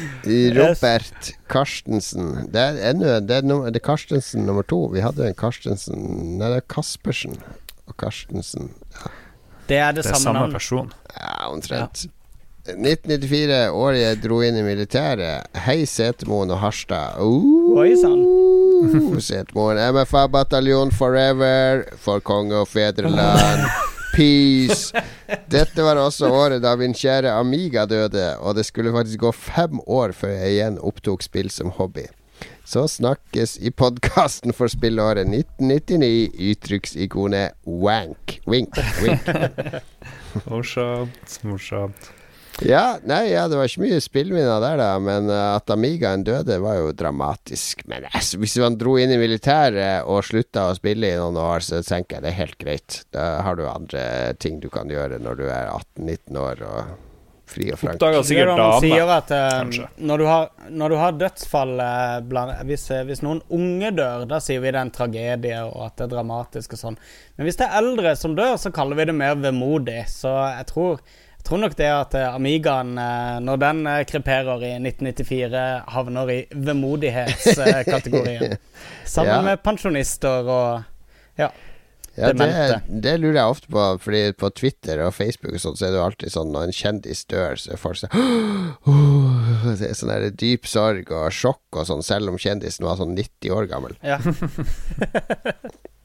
Jeg Er det ikke sånn i avisen, Lars, at de, i Harstad-tiden f.eks., at dere har nekrologer liggende klar på alle sånne harstadværinger over 60-70 år som er relativt kjent? Jo da, så er det jo jubel hver gang noen kjentiser dør. Da ringer vi som bjelle vi har stående. Så Ding, ding, ding! alle kler på dere seg har- klær. fine Ja, sånn betting Deadpool på kontoret, da, så dere har penger på hvilken Ja, ja. Harstad-kjendis som dør neste, da. Ja, vi har det Jeg husker ikke navnet på noen Harstad-kjendiser, nesten. Men det er ja, hva de heter Irene Reppen og Kjetil Rollnes. Jeg snart traff på Kjetil Rollnes forresten her om dagen. Det glemte jeg å Oi. si ting som har skjedd. For jeg var i Tromsø. Jeg var jo borte og hadde det travelt forrige uke og ting og tang. Men da var jeg blant annet eh, i eh, i Tromsø og møtte Kjetil Rollnes, mitt gamle idol, som gjorde at jeg studerte eh, sosiologi. Sosiologi. Har jeg nevnt det her Ja. før? Det hørtes Nei. eh, ja. Nei, Du har ikke nevnt at du var forelska i Kjetil Rollnes? nei. Men Han ga ut en sånn bok da jeg var sånn ca. 13 år, eller hva det var, som het 'Vulgært og vidunderlig', og så fikk faderen masse bøker på eh, jobben. Eh, for han var jobba i avis, og fikk de sånne kopier bare av alt mulig før i tida, da folk hadde penger. så han tok med hjem mye av de bøkene, og så fikk jeg lese den her 'Vulgært og vidunderlig', som handla om sånne kultskikkelser i popkulturen, både litt sånn store og små, om Liberace og Madonna og alt mulig sånne her rare Elvis og utrerte figurer, og satt dem inn i en, eh, i en ja, faglig kontekst, kan du si, og det tente jo jeg på alle plugger, så, så da måtte jeg jo og Han var jo sosiolog, og dessverre skjønte jeg jo ikke før veldig lenge etterpå at det var egentlig sosialantropologi han, eh, den boka der hadde med å gjøre. så jeg fikk nå gjort begge deler, da. Litt sosialantropologi og litt sos eh, sosiologi. Og det sa jeg til han her Kjetil Rollnes da jeg fikk, eh, fikk møte han, og det syntes han var veldig morsomt. Og så da jeg sa hvor ung jeg var da jeg leste boka, så sa han at da må jo mine barn ha vært tilbakestående hvis du drev og leste den boka så ung. Så det var Men jeg fant vel ut at jeg var ikke riktig så ung som jeg først trodde da jeg leste den der eh, greia. Det var du, du som var tilbakestående når det gjaldt alderen din. Ja, det var det. Jeg var eh, ni ja, år mentalt. men du da jeg leste den. Nå er det eh, fremdeles. igjen ditt idol eh, nå igjen. Hva du sier Du møtte han igjen nå, igjen nå nylig? Nei, jeg har ikke møtt han det- før. Det var jo bare booka adresse ah, ja, ja, okay. før. Så nå møtte jeg han i forrige, for en uke siden, i helga. Som ja, var, han har en, en aktiv Facebook-side, har jeg merka. ja, han var oppe i Tromsø for å snakke om innvandringsdebatt i media og sånt, så han er jo litt sånn Oh. eh, Så etter vi hadde liksom hadde koselig og snakka om gamle dager, så prata vi litt om innvandrere, og da ble stemninga straks litt verre. Så han syntes vel jeg var naiv og jeg vet ikke, venstrevridd og jeg husker ikke helt hva det var. Ja, jeg hadde tenkt å si Det er liksom litt kulere å si at uh, du har møtt uh, Rollnes sånn for ti år siden, enn å, enn å møte han nå for tida. Nei, men det er jo for så vidt interessant uh, enda, da. Så Ja da, interessant er han absolutt. Men uh, vi kan snakke om noe hyggelig også. Vi kan snakke om Fredrik Johansen, som spør om Ja, Da trodde jeg du skulle bli over til Hege Storhaug. Ja. Men ja, nei, jeg Fredrik Johansen i stedet. Uh, Fredrik Johansen nemlig lurer på om uh, noen av oss har noen minner fra spill som Sonic the Hedgehog 3, Pizza Tacoon og SimCity 2000. Det første er Sonic-spill, så det er møkk Ja, automatisk. det, er, det er det ingen her som har noe forhold til, Nei. eller vil innrømme at de har noe forhold til. Pizza Tycoon har jeg masse, masse minner fra. Ja, bra. Eh, jeg husker eh, veldig godt at eh, du kunne legge halve hummeret på pizzaen eh, for å lage sånn luksuspizzaer. Um, jeg ble aldri noe flink til det spillet der. Um, det var der matinteressen din ble vekt, var det? Hummer på pizza? Nei, det er i så fall I så fall der han ville ha dødd. For det, var et sånt spill Det var vel rundt da jeg begynte å oppdage at eh, strategispillet ikke lå helt for meg. Um, Husker du eh, Vi hadde jo på quizen vår, som vi Mm. for så- vidt tar neste quiz 8. 8. desember, Ja. så hadde vi jo et spørsmål om uh, uh, en gang For vi har sånn sann og usann-oppgave. Ja. Der vi bruker å ramse opp masse ting. Skal du gjette om det er sant eller ikke. Så det her var tycoon-tema, da. Finnes de her tycoon-spillene? Ja, ja. Fordi jeg gjorde research på det, og Tycoon er ikke noe beskytta merkenavn. Så det finnes sånn over 100 spill som heter et eller annet Tycoon. det finnes noe for alt. Business Tycoon, eh, Stock Tycoon, eh, Newspaper Tycoon AIDS You name it. Den er bra. Så det var veldig vanskelig når jeg lagde den oppgaven å finne på tycoon-spill som ikke eksisterte.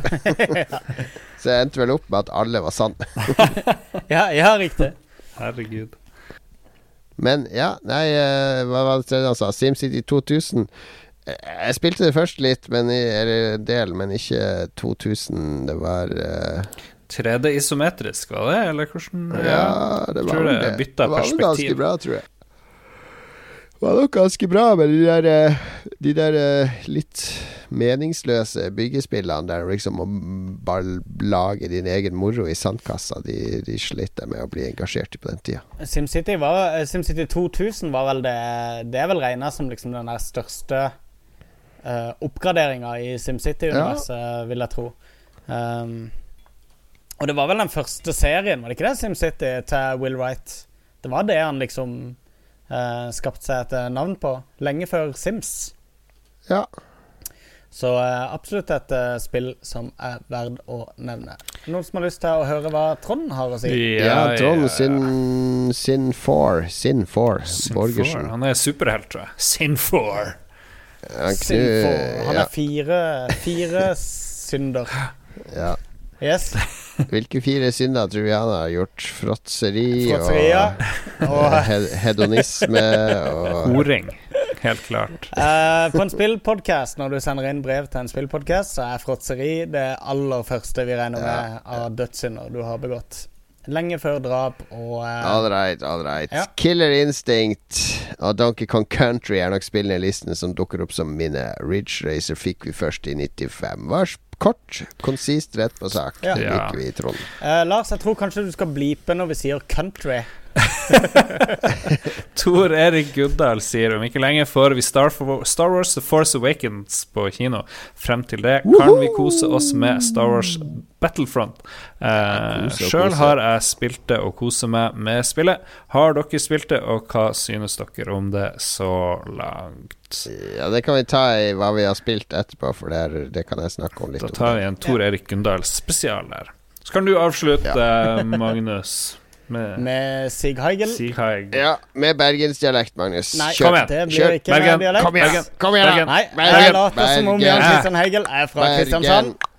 Oh, han, spør et, eh, han spør et ganske kult uh, ledende eh, spørsmål, som vi egentlig har glemt helt å snakke om. Yeah. Uh, nemlig Red Ring of Death-maskinen. Uh, Eh. Xbox 360 har jo fylt hele ti år nå.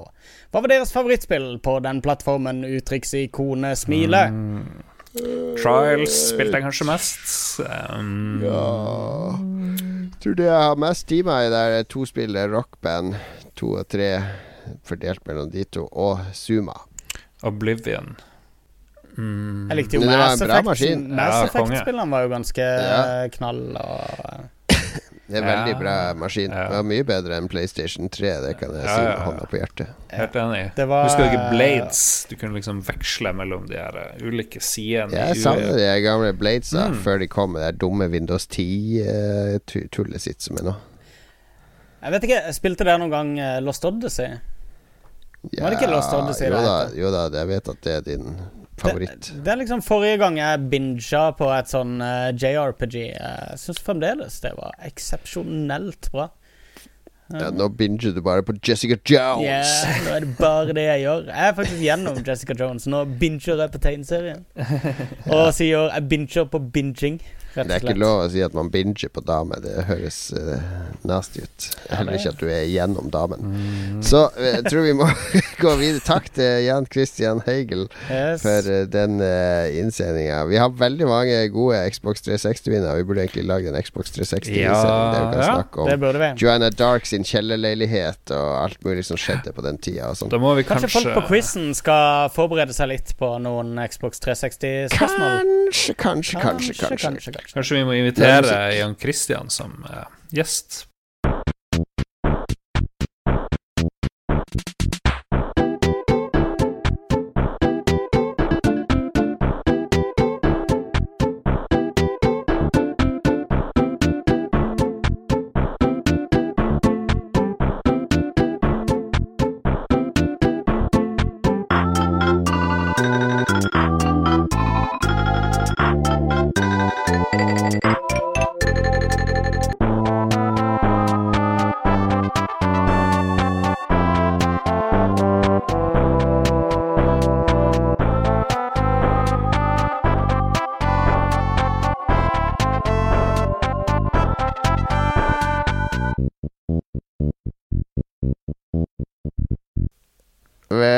Velkommen tilbake. Jeg nevnte akkurat for mine to medprogramledere at jeg vurderer Jeg skal på sånn der adventsfest i familien på søndag, og nå har jeg begynt å få ganske mye skjegg. Det ser jo, ser, har jo dere to sett.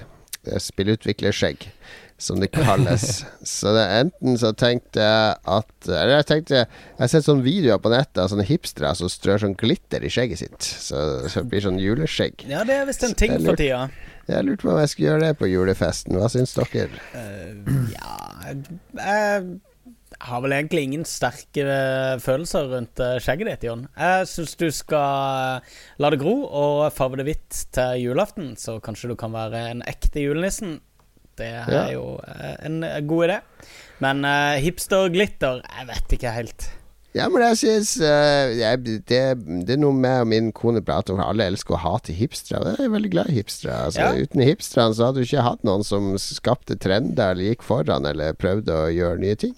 Jo, men det, Eh, det er to måter å snakke om hipstere på. Eh, Den ene måten er selvfølgelig folk som eh, ligger foran og, og eh, prøver nye og, Ja. eh, og tråler ny eh, mark. Og det er, det er jeg helt enig i. Det er, det er kanskje pløyer ny mark, når jeg tenker etter. Det er jeg helt enig i. Eh, Vi, vi trenger den type hipstere. Men det er veldig mye hipstere som er kanskje litt vel krampaktige i dette her med å alltid befinne seg i det som er nye, og eh, kanskje gjør det mest så de kan stå Ja, foran er foran og mer- gjøre narr av de som er på det nest nyeste. Ja, men det er mer en myte, tror jeg. Det er mer en myte at det er så mange sånne hipstere. Det fins veldig mye ego knytta opp mot å være den nye Den, Ja, men den som var der der du først. eller jeg kjenner jo den hipsteren. Men det finnes jo ikke hva? en gruppe som definerer seg sjøl som hipstere. Du finner jo ikke Facebook-hjemmesida. Hele Natt og Dag-gjengen Du finnes ikke Hele Natt og Dag-gjengen klassifiserer seg som hipstere. Ja, Nei, det gjør de ikke. Det gjør de, de de som kaller, kaller noen hipstere, er jo de som hater dem, egentlig. Ja, det er bare de utenfor som kaller de for hipstere. Her har jeg krangla med min kone. Vi hadde en ordentlig krangel om det ble sånn høylytte stemmer. Fordi jeg mente at det var vi utenfor som putta hipsterne i en sånn bås. At de ikke sjøl trakta etter en identitet overfor hverandre. Det var eh, Nå husker jeg ikke eh, hvilket program det var på NRK. Da var det en tidligere Natt og Dag-redaktør som var på TV og, eh, og eh, la inn et, eh, et eh, forsvar for hipsteren. Og jeg inn litt sånn historisk Ja, kontekst. men jeg forsvarer jo òg hipstere. Ja, jeg kan gjerne er, stille opp. nå er det to som da ikke står på utsida og eh, slenger drit inn på hipstere. Jo, men jeg sier jo ikke at jeg sjøl er en hipster. Hipsterne er den, Men, vår ja. tids kristne, ikke sant? De er Ja, forfulgt, steina altså alle, alle, all kritikk av hipstere har et eh, fundament av sjalusi i seg. Nei, men, helt jo, men enig. det, helt enig. Altså uh, Hvorfor skulle du ellers kritisere en hipster? Hva hva er grunnen til å kritisere en hipster med mindre de, de gjør noe som du gjerne skulle ha gjort sjøl? Nei, eh, altså grunnen til at jeg har et problem De gangene jeg bruker det som et skjellsord, da, er, er på folk som eh, typisk ikke kan like et band fordi de befinner seg på ei salgsliste, og derfor så føler de plutselig at eh, At det, eh, Hva skal jeg si At de ikke snakke drit om folk fordi at de er, befinner seg i et flertall. Ja, men da må du heller putte de i kategorien idiot i stedet for hipster. Nei, men det, det ligger liksom inni det. Det er mange som gjør et poeng ut av å være først ute med noe. Det er litt sånn u... Mm, Det er mye, det er mye sjølhat i det der å mislike hipstere, fordi du kjenner deg igjen Ja. i det de holder på med, og sier ved deg sjøl du ikke liker. Og så er det mye lettere Ja, å hate andre. andre. Det Det er, er mye lettere lettere å hate andre enn seg sjøl. Innenfor musikk så er jo Magnus Ja. den største hipsteren jeg kjenner. For han er jo typisk sånn her som begynner å hate band når de blir store. Det er faktisk ikke sant.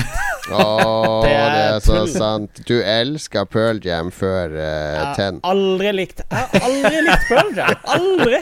Alle kompisene mine har likt Pearl Jam. Jeg hater det er siden dag typisk én. hipster, rett i forsvarsposisjon. Ja, og, og hate, ikke. Pearl- hate kommersielle Pearl Jam, det er hipster. Ja. Veldig mathipster, ja da. da. Er det ikke eh, sant? Du spiser ikke Grandis lenger. Du for å likte si det sånn. Soundgarden, Jeg spiser. Grandiosa, jo, det gjør jeg. Soundgarden, ikke Pearl Jam. Nei, jeg er ikke så veldig glad i Soundgarden heller. Hva med Fjordland? Er det mye Fjordland i Jeg spiste Fjordland i går Nei. fordi at eh, jeg kom hjem fra det der Det er typisk hipster, for nå er, er Fjordland så ute at nå har det blitt inn igjen. Ja. Det er typisk can't Fjordland, og så avslutter han med litt sånn hjemmekverna sourca kaffe, kaffebønner Ja, på den. Jeg er jo der faktisk. Jeg, jeg, jeg Hipster kaffemaskin sin. jeg Før litt eh, teseremoni om natta, og nei da, er hipsteren, Men hør, da. Jeg, jeg, jeg holder jo ikke jeg, eh, jeg har jo full eh, selvironi på dette. her Jeg kjøper jo kaffe på Vendelbo, og jeg er jo opptatt av bare sånn jålerimat, eller sånn mat eh, teknikker og alt sånt der. Jeg vet jo hva jeg driver med her. Jeg vet at det er lett å plassere i denne gjengen der. Husker du når jeg hadde sånn surdeigoppheng, Jon Cato? Ja. For noen år siden.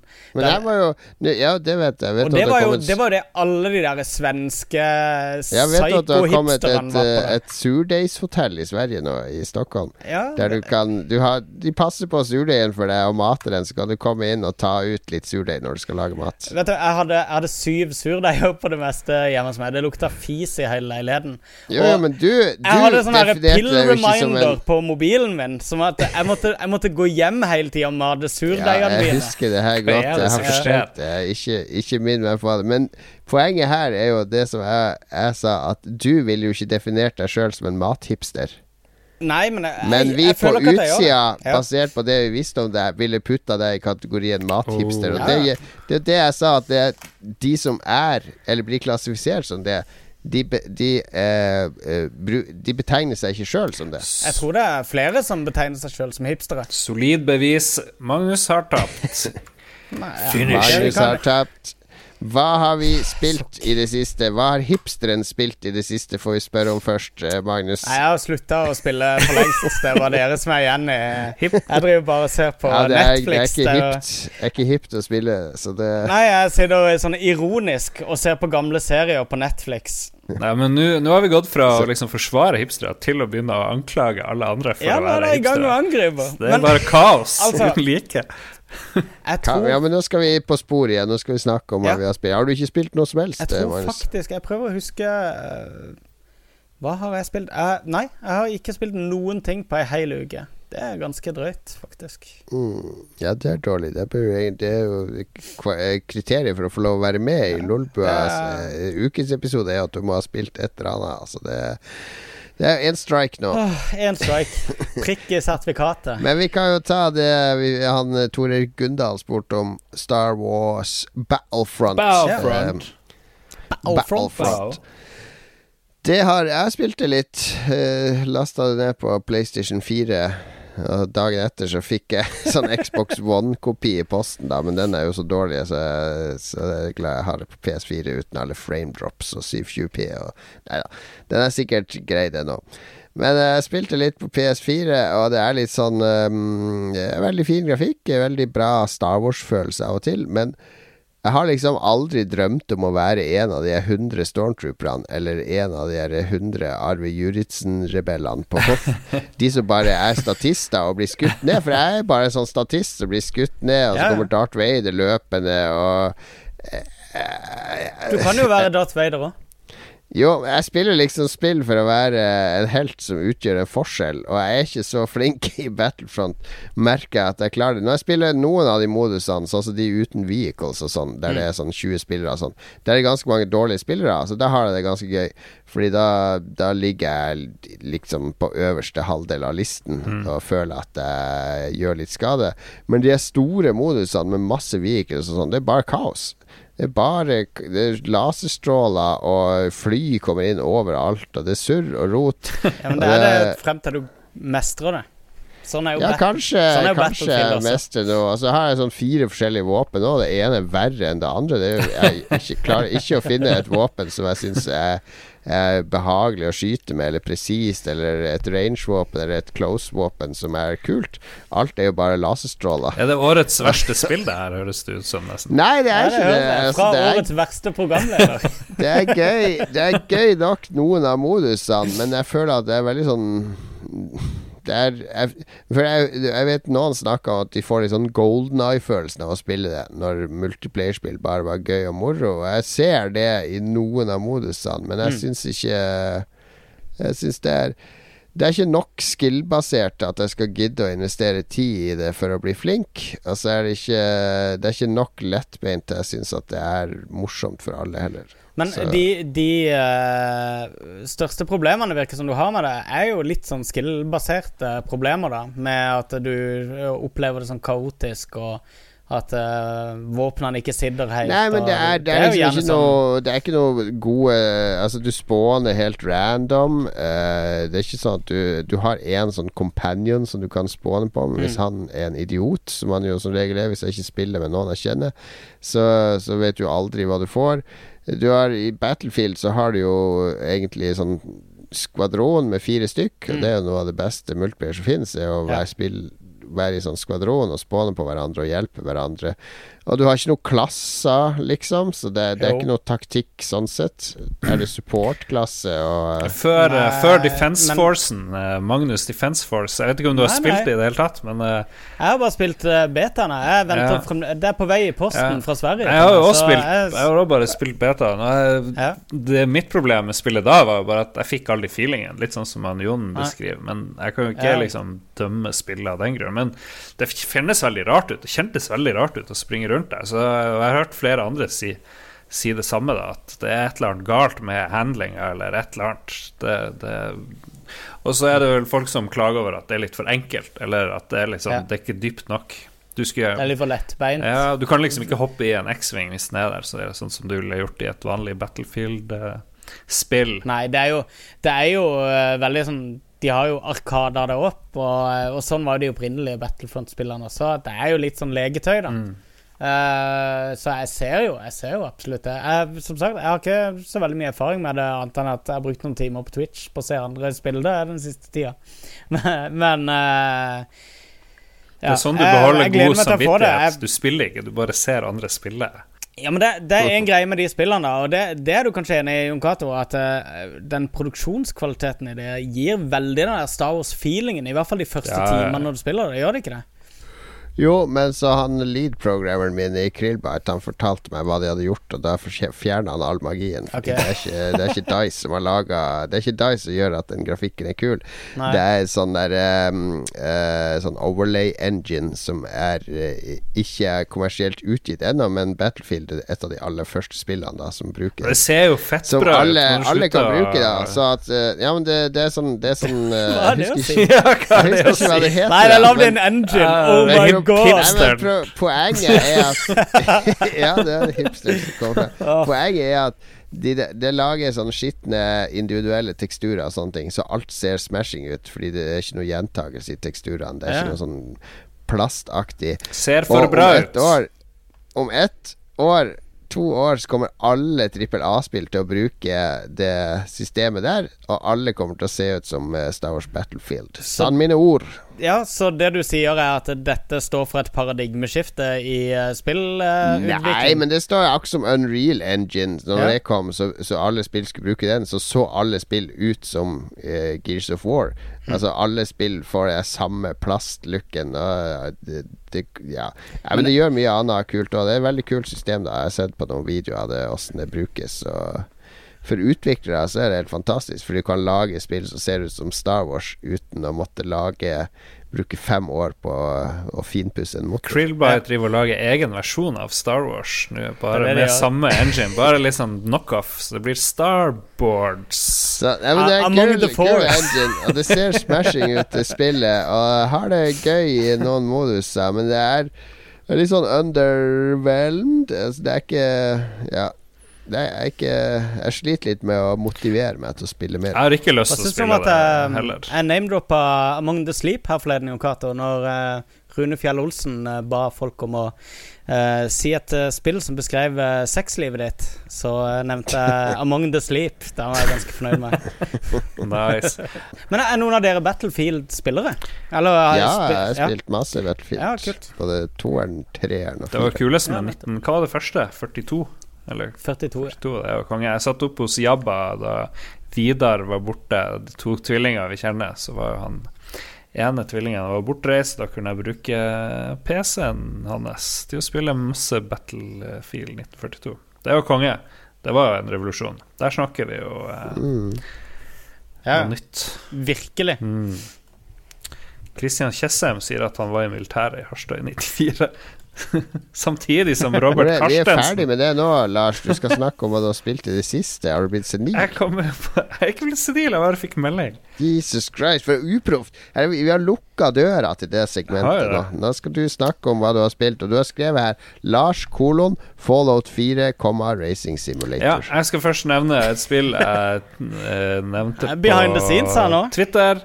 Og det er jo Racing Simulator, en sånn kompis som har lagd. Um, eller ikke nær kompis, da, men bekjent. Og det er Ok, Okay, det her må du, er disclaimer først. Disclaimer at, eh, først. Gamergate disclaimer. Det er helt gratis, da. Mm, Blir avbrutt av trasige reklamer innimellom, men det får man bare tåle. Men mitt poeng er at du må, folk må slå med eh, de gavene Jon Cato lovte bort i tidligere spalter. De skal vinneren. Den som klarer å ta min rekord på IOS, skal få de eh, premiene der. Tror jeg. På Racing Simulator. Ja, Racing Simulator har rekord på 194 poeng. Eh, Det er bare 200 og noe sånt i verden som har spilt det spillet, men eh, jeg, gjør meg ingenting. Jeg, det er likegyldig hvor mange som har spilt det, så lenge jeg er øverst på lista. Det er fin sånn Det er det Det er litt sånn um, swingcopter-aktig uh, Angry Nei, hva det heter Flap, Flappy Bird-vanskelig. Du dør veldig, veldig fort, for å si det sånn. Men det er veldig OK. Jeg er imponert over det spillet, må jeg si. Um, hva annet var det jeg hadde skrevet opp? Fallout 4, ja. Ja Fallout 4? dere har snakka vel masse om det i forrige uke, kanskje. Men jeg har krasja to ganger hvor spillet måtte starte på nytt. Uh, hun forsvant plutselig. Og um, folk slutter å prate midt i dialog. Uh, våpnene mine har forsvunnet når jeg liksom bare har gått frem og tilbake på skjermen. Og når jeg skal bygge den der landsbyen min, så henger ting opp i lufta plutselig. Og så er det en ku som bor i stua mi. Eh, det er vel det negative jeg har. og jeg blir jævlig forbanna av det òg, så det irriterer meg sykt at de klarer å Det er greit med noen sjarmerende feil, men når det begynner å krasje og spillet bare dør, da, da blir jeg forbanna. Men ellers enn det, så er jo det helt fantastisk. Jeg har funnet han Kellogg, eller hva han heter. Eh, hvis noen vet hvor det er. Ellers har jeg reist mye rundt omkring. Masse herlige eventyr ute i, i det her plassen. Jeg har vært i et eller annet Plaza, hvor det er en sånn radio-DJ som holder fange.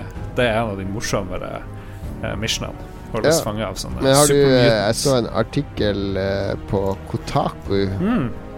der han for artikkelforfatteren anbefalte folk å ikke bruke fast travel, Ja. men å bare gå dit de skal. Fordi det skjedde så mye rart på veien, og han oppdaga nye locations og hemmelige locations. Det sier seg sjøl, men av og til må du fast-travele fordi inventoriet ditt blir fullt, fullt på én time, ikke sant. Så da må du dra et eller annet sted. Dumpe driten. Selv om jeg begynte å bli litt lei av å samle piss. Takk for meg. Cato, Mm, ja, ja, ja. du har uh, spilt uh, ikke Fallout 4 for en gangs skyld. Eh, stemmer. jeg har jo spilt Star Wars, det er jo det jeg har snakket om. Ja. Nå er du ganske trøtt. Jeg, jeg trodde det var du som sto på det neste her, nemlig. Ja, nei, nei, jeg har spilt Star Wars. Jeg har spilt litt Fallout 4 òg, men sønnen min har begynt å spille det nå, så jeg får nesten ikke spilt det. Og så runder jeg 140 igjen for tiende gang her. eh, Oi sann. Forrige helg Jeg var oppe med alle mine tre gutter. Vi har begynt å ommøblere litt oppe og lage laga et veldig sånn koselig hjørne, altså spillehjørne, med konsoller og en skjerm og sofa. Og så satt jeg der, og jeg kobla opp PC-en òg der, så gikk jeg gjennom Steam-lista, så starta jeg 140 og spilte gjennom det mens barna dansa. Vi hadde musikken på fullt og vekte hele nabolaget. For de som ikke vet hva 140 er, så er det jo han eh, ene Limbo-skaperen, han Jeppe, tror jeg han heter. Det er et minimalistisk plattformspill der, eh, med teknomusikk, der musikkrytmen og det som skjer på skjermen, er veldig integrert. Og all grafikken er bare firkanta og, og eh, ja, det er ikke noe grafikk å snakke om, egentlig. Men det er utrolig kul musikk. Det er utrolig digg soundtrack, og det er et plattformspill, så du runder på en halv time hvis du er litt flink i plattformspill. Ja. Tre fantastiske bosskamper. Eh, da åpner du sånn alternativ modus, som er veldig veldig vanskelig. Men, uh, men det er et spill jeg anbefaler til absolutt alle. Det er uh, ren kunst i Hva spillform. du kalte det igjen, for oss som 140. 140. Får det på Steam. Altfor dyrt. Får du det på Steam? Ja, det er omtrent gratis. Tror det koster sånn to euro eller noe sånt. Ingenting. Vi har fått inn en uh, kjempesein uh, lytterting. Og veldig relevant. Veldig relevant. All right. Er den veldig relevant? Ja. Ja. For meg er den det. OK, ja, da tar du den. Vi er jo, vi er jo midt, i, i, eh, midt på 90-tallet her. Og eh, dette er jo eh, Dette er jo min lille gullepoke fra Mm. spilleoppveksten. Det skal jeg lese opp, Kjør på. Da? Det er Erik Nyberg eh, Skilnand Er det det det står? Skilnand? Jeg lurer på om det er det en ny, ny bidragsyter. Det Jeg tror det. herlig. Eller prøver å skrive Skilnad. Ja, skilnad. Ja. Um, Altfor sen post fra min side. Nei, det var jo tydeligvis ikke det, da. Men jeg glemmer ikke Beneath a Steel Sky på Amiga. Denne pek-og-klikk adventure-perlen kom med, sitt eg med en egen tegneserie og whopping 15 disketter du kunne fòre diskettstasjonen med. Uttrykksikonet vannblemme på floppy-fingeren. Klarte aldri runde spillet da en av diskettene ble korrupt, oh. men til min glede er det nå sluppet på IOS. Yay. Det er det. Det er jo Charles Cecil som har lagd fra Revolution Software. Eh, det Hva skal du si dystopiske 1984-type fremtidsbilde av eh, et nytt klassesamfunn hvor eh, en sånn outsider, som jeg tror er det Robert Foster eller et eller annet sånt, mm. dukker opp og Uh, hooker opp med en sånn AI-dude som man plasserer i en robot, og uh, prøver å jobbe seg gjennom dette klassesamfunnet for å løse større problemer. Det er et fantastisk bra spill, og uh, tegneserien som fulgte med, var også dritkul, hvis jeg husker riktig. Jeg har det liggende originalt et eller annet sted. Eh, jeg hadde det på PC, da. Jeg sendte mail til Revolution-folkene og lurte på om de skulle ja. liksom oppfriske det her eh, spillet her. Det var et eller annet. Og da, da hadde de problemer med å finne sånn originalarten eller noe sånt, men da har de tydeligvis funnet det til. Beneath the Steel Jeg satt, Sky. og, um, jeg- satt og så på Charles Cecil satt sammen med to spillfolk på Twitch og spilte Broken Sword, som nettopp var sluppet på konsoll. da Mm. Og så satt han og, og svarte på spørsmål fra, fra seere. da Og da svarte han på spørsmål fra meg, faktisk. Der jeg spurte om det var snakk om å plukke opp Benito Steelsky igjen. eh, Wow. uh, og det sa han at eh, det var noe de faktisk uh, jobba med å få til. At de var i samtaler med han som har designa det opprinnelige. Ja. Så veldig mye hjul var allerede i gang eh, for å eh, fortsette på Benitza the Steel Sky-sagaen. Spillet er faktisk gratis, hvis ikke jeg husker feil, på skumvm.com, eller skumvm i hvert fall sin nettside. Så det er For de som har en eh, PC, anbefaler jeg å laste ned og prøve det. Veldig kul musikk òg i det. Nice. Bra. I morgen så innfører politiet økt grensekontroll, så må man ha pass for å dra på harrytur. Nå begynner Det er- innstramminga av våre rettigheter i morgen, med andre ord. Ja, ja, ja. Ja, det står i alle Du nyhetene. vet jo, det var jo. Bin Laden tok det jo i passkontroll. Det var jo sånn de tok han, var det ikke det? At, ja, ja, ja. Eh, Sånn her eh, Yes, velkommen til landet, Mr. Bin Laden. Vent, vent nå litt. Hva er det det står her? Er ikke du han? Å, kom her, din kjeltring, sa de. Oh, it's very common last name. Ja, A mistake all the time. Konge. så eh, ja da. Det blir sikkert eh, Det er et effektivt Ja, eh, jeg skal ikke til Sverige med det første, så det går bra. Det har vært en hyggelig mimreepisode, men jeg merker nå begynner jeg å bli litt lei av disse mimreepisodene. Kan ikke vi eh, hvor, Kan ikke vi avslutte med 95? Det var da PlayStation kom, liksom. Og det er fint sånn der vannskilleår. Jeg føler at å dra det ut i 96, 97, 98 Da begynner, Da begynner det å bli litt sånn trist, da, for da begynner, eh, da begynner adventure-sjangeren Vi kan å- Jeg foreslår vi kan ta en pause. Vi tar en pause fra Ja, men da, da har vi ikke lenger dette Ja, men um, det er men vi, Hvis vi tar en pause på fem episoder, så er vi oppe i episode 101, og da er det ikke like lett hook. Ja, men det Så- er ingen som har brydd seg om det hooken Å. Fifa 2001. Så det er ingen problem. Vi kan ta Eh, 95, og så, eh, så tar vi en pause. Tar 95, og så er det pause. Da skal vi begynne å hype opp eh, episode 100. Mm. Og så skal vi ta for oss årets beste spill, må vi også gjøre. nå, de Ja, neste endelig. Og det har jo jeg kåra Årets for lenge beste spill fra før august. Var det ikke der det skulle være lansert, Lars? Nei, For at før skulle november. Slutt å tulle. Mellom Don't be mai og ridiculous, august. Sier jeg bare. Hæ? Don't be ridiculous. Det er årets beste film. Ja, så har vi jo glemt å, å diskutere den store kontroversen med at Dead or Alive Extreme 3 ikke kommer til Vesten. Ja. Oi, jeg har hørt rykter om at Det kan vi spare. noen i Det Norge kan vi skal spare. importere det. Ja. Det er ikke det mest kontroversielle med Dead or Alive Extreme 3. Var det ikke eh, Dead or Alive-spillet på DS er vel forbudt i, ble forbudt Var det i Sverige, det? What? I Fikk Norge. sånn barnepornostatus. i- Ja, Jeg så, jeg så Dead or Alive-filmen her om dagen med min venn Jens Arthur. Det var morsomt. Det var, ja.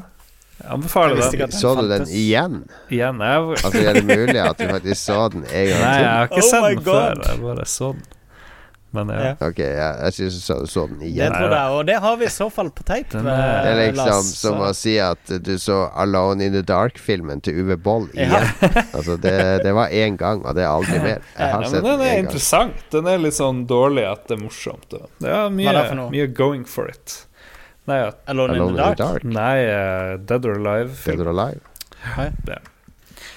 Jeg er kommet i den alderen at det er så dårlig at det er morsomt. Det fins ikke lenger. Nei, det er liksom enig. så dårlig at nå har jeg kasta bort eh, de to timene av resten av mitt liv på det her i stedet for noe bra. Fordi jeg har Jeg merker at klokka tikker. Jeg er blitt så Eh, gammel at jeg er sur, heter det. Nei, kom igjen, da. Det er ikke det det handler om. Men, men uh... Jo, men det går. Det er, det er en sånn, når du er ung, når du er sånn 20 i 20-årene, så Ja. tenker jeg at jeg skal se alle bra filmer som fins. Jeg skal lese alle bra tegneserier og bøker som fins. Mm. Jeg skal spille alle de bra spillene som fins. Og så kommer du til en alder der du plutselig innser hm, jeg kommer ikke til å rekke å lese alle bra bøkene som fins, og se alle bra filmer som fins.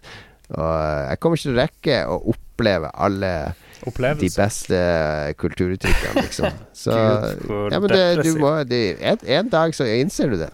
Ja, ja. Jeg har jo aldri Um, hatt det ønsket å se alt som er bra, alt som er bla, bla. Jeg ser gjerne det det, som er litt dritt. Syns det er helt kjempemorsomt. Jeg, jeg syns veldig mye av å se dritt fordi det er så dårlig at det er vittig, handler litt om å heve seg sjøl over noe, da. Og eh, jeg, jeg vet ikke hvor konstruktivt det er egentlig Jeg, jeg har slutta litt med det, for jeg er jo en hipster, så jeg har slutta med det litt før dere slutta med det.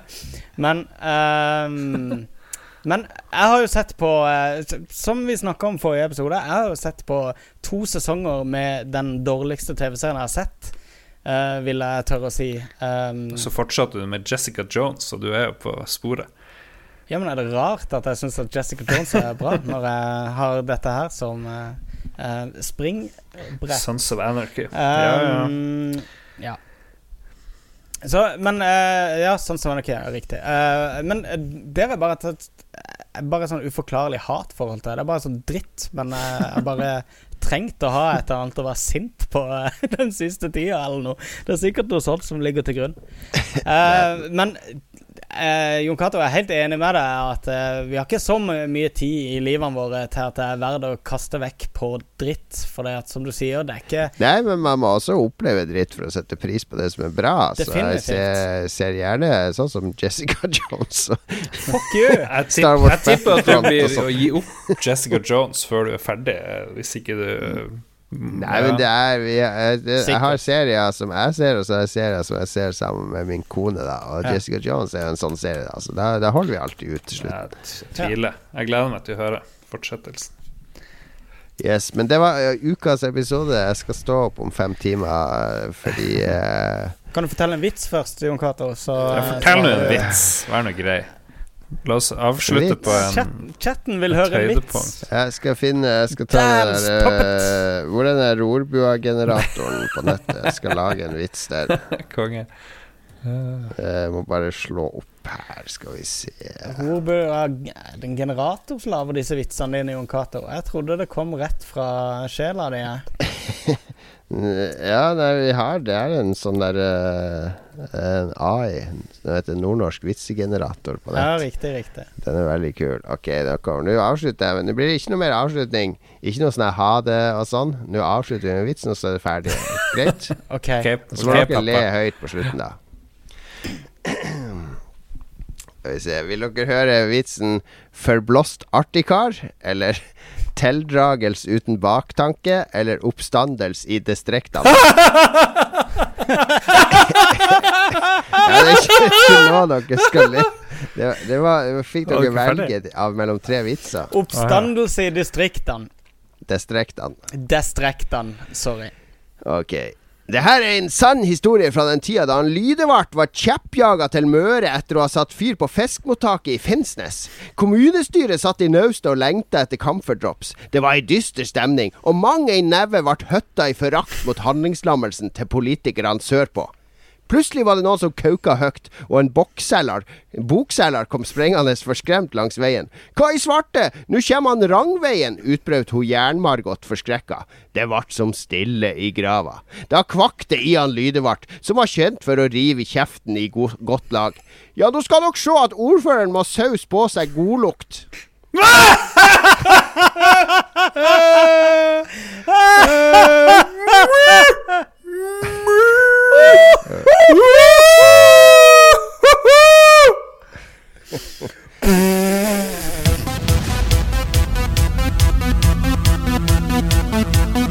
Jessica Jones. I saw you. What do you want to know?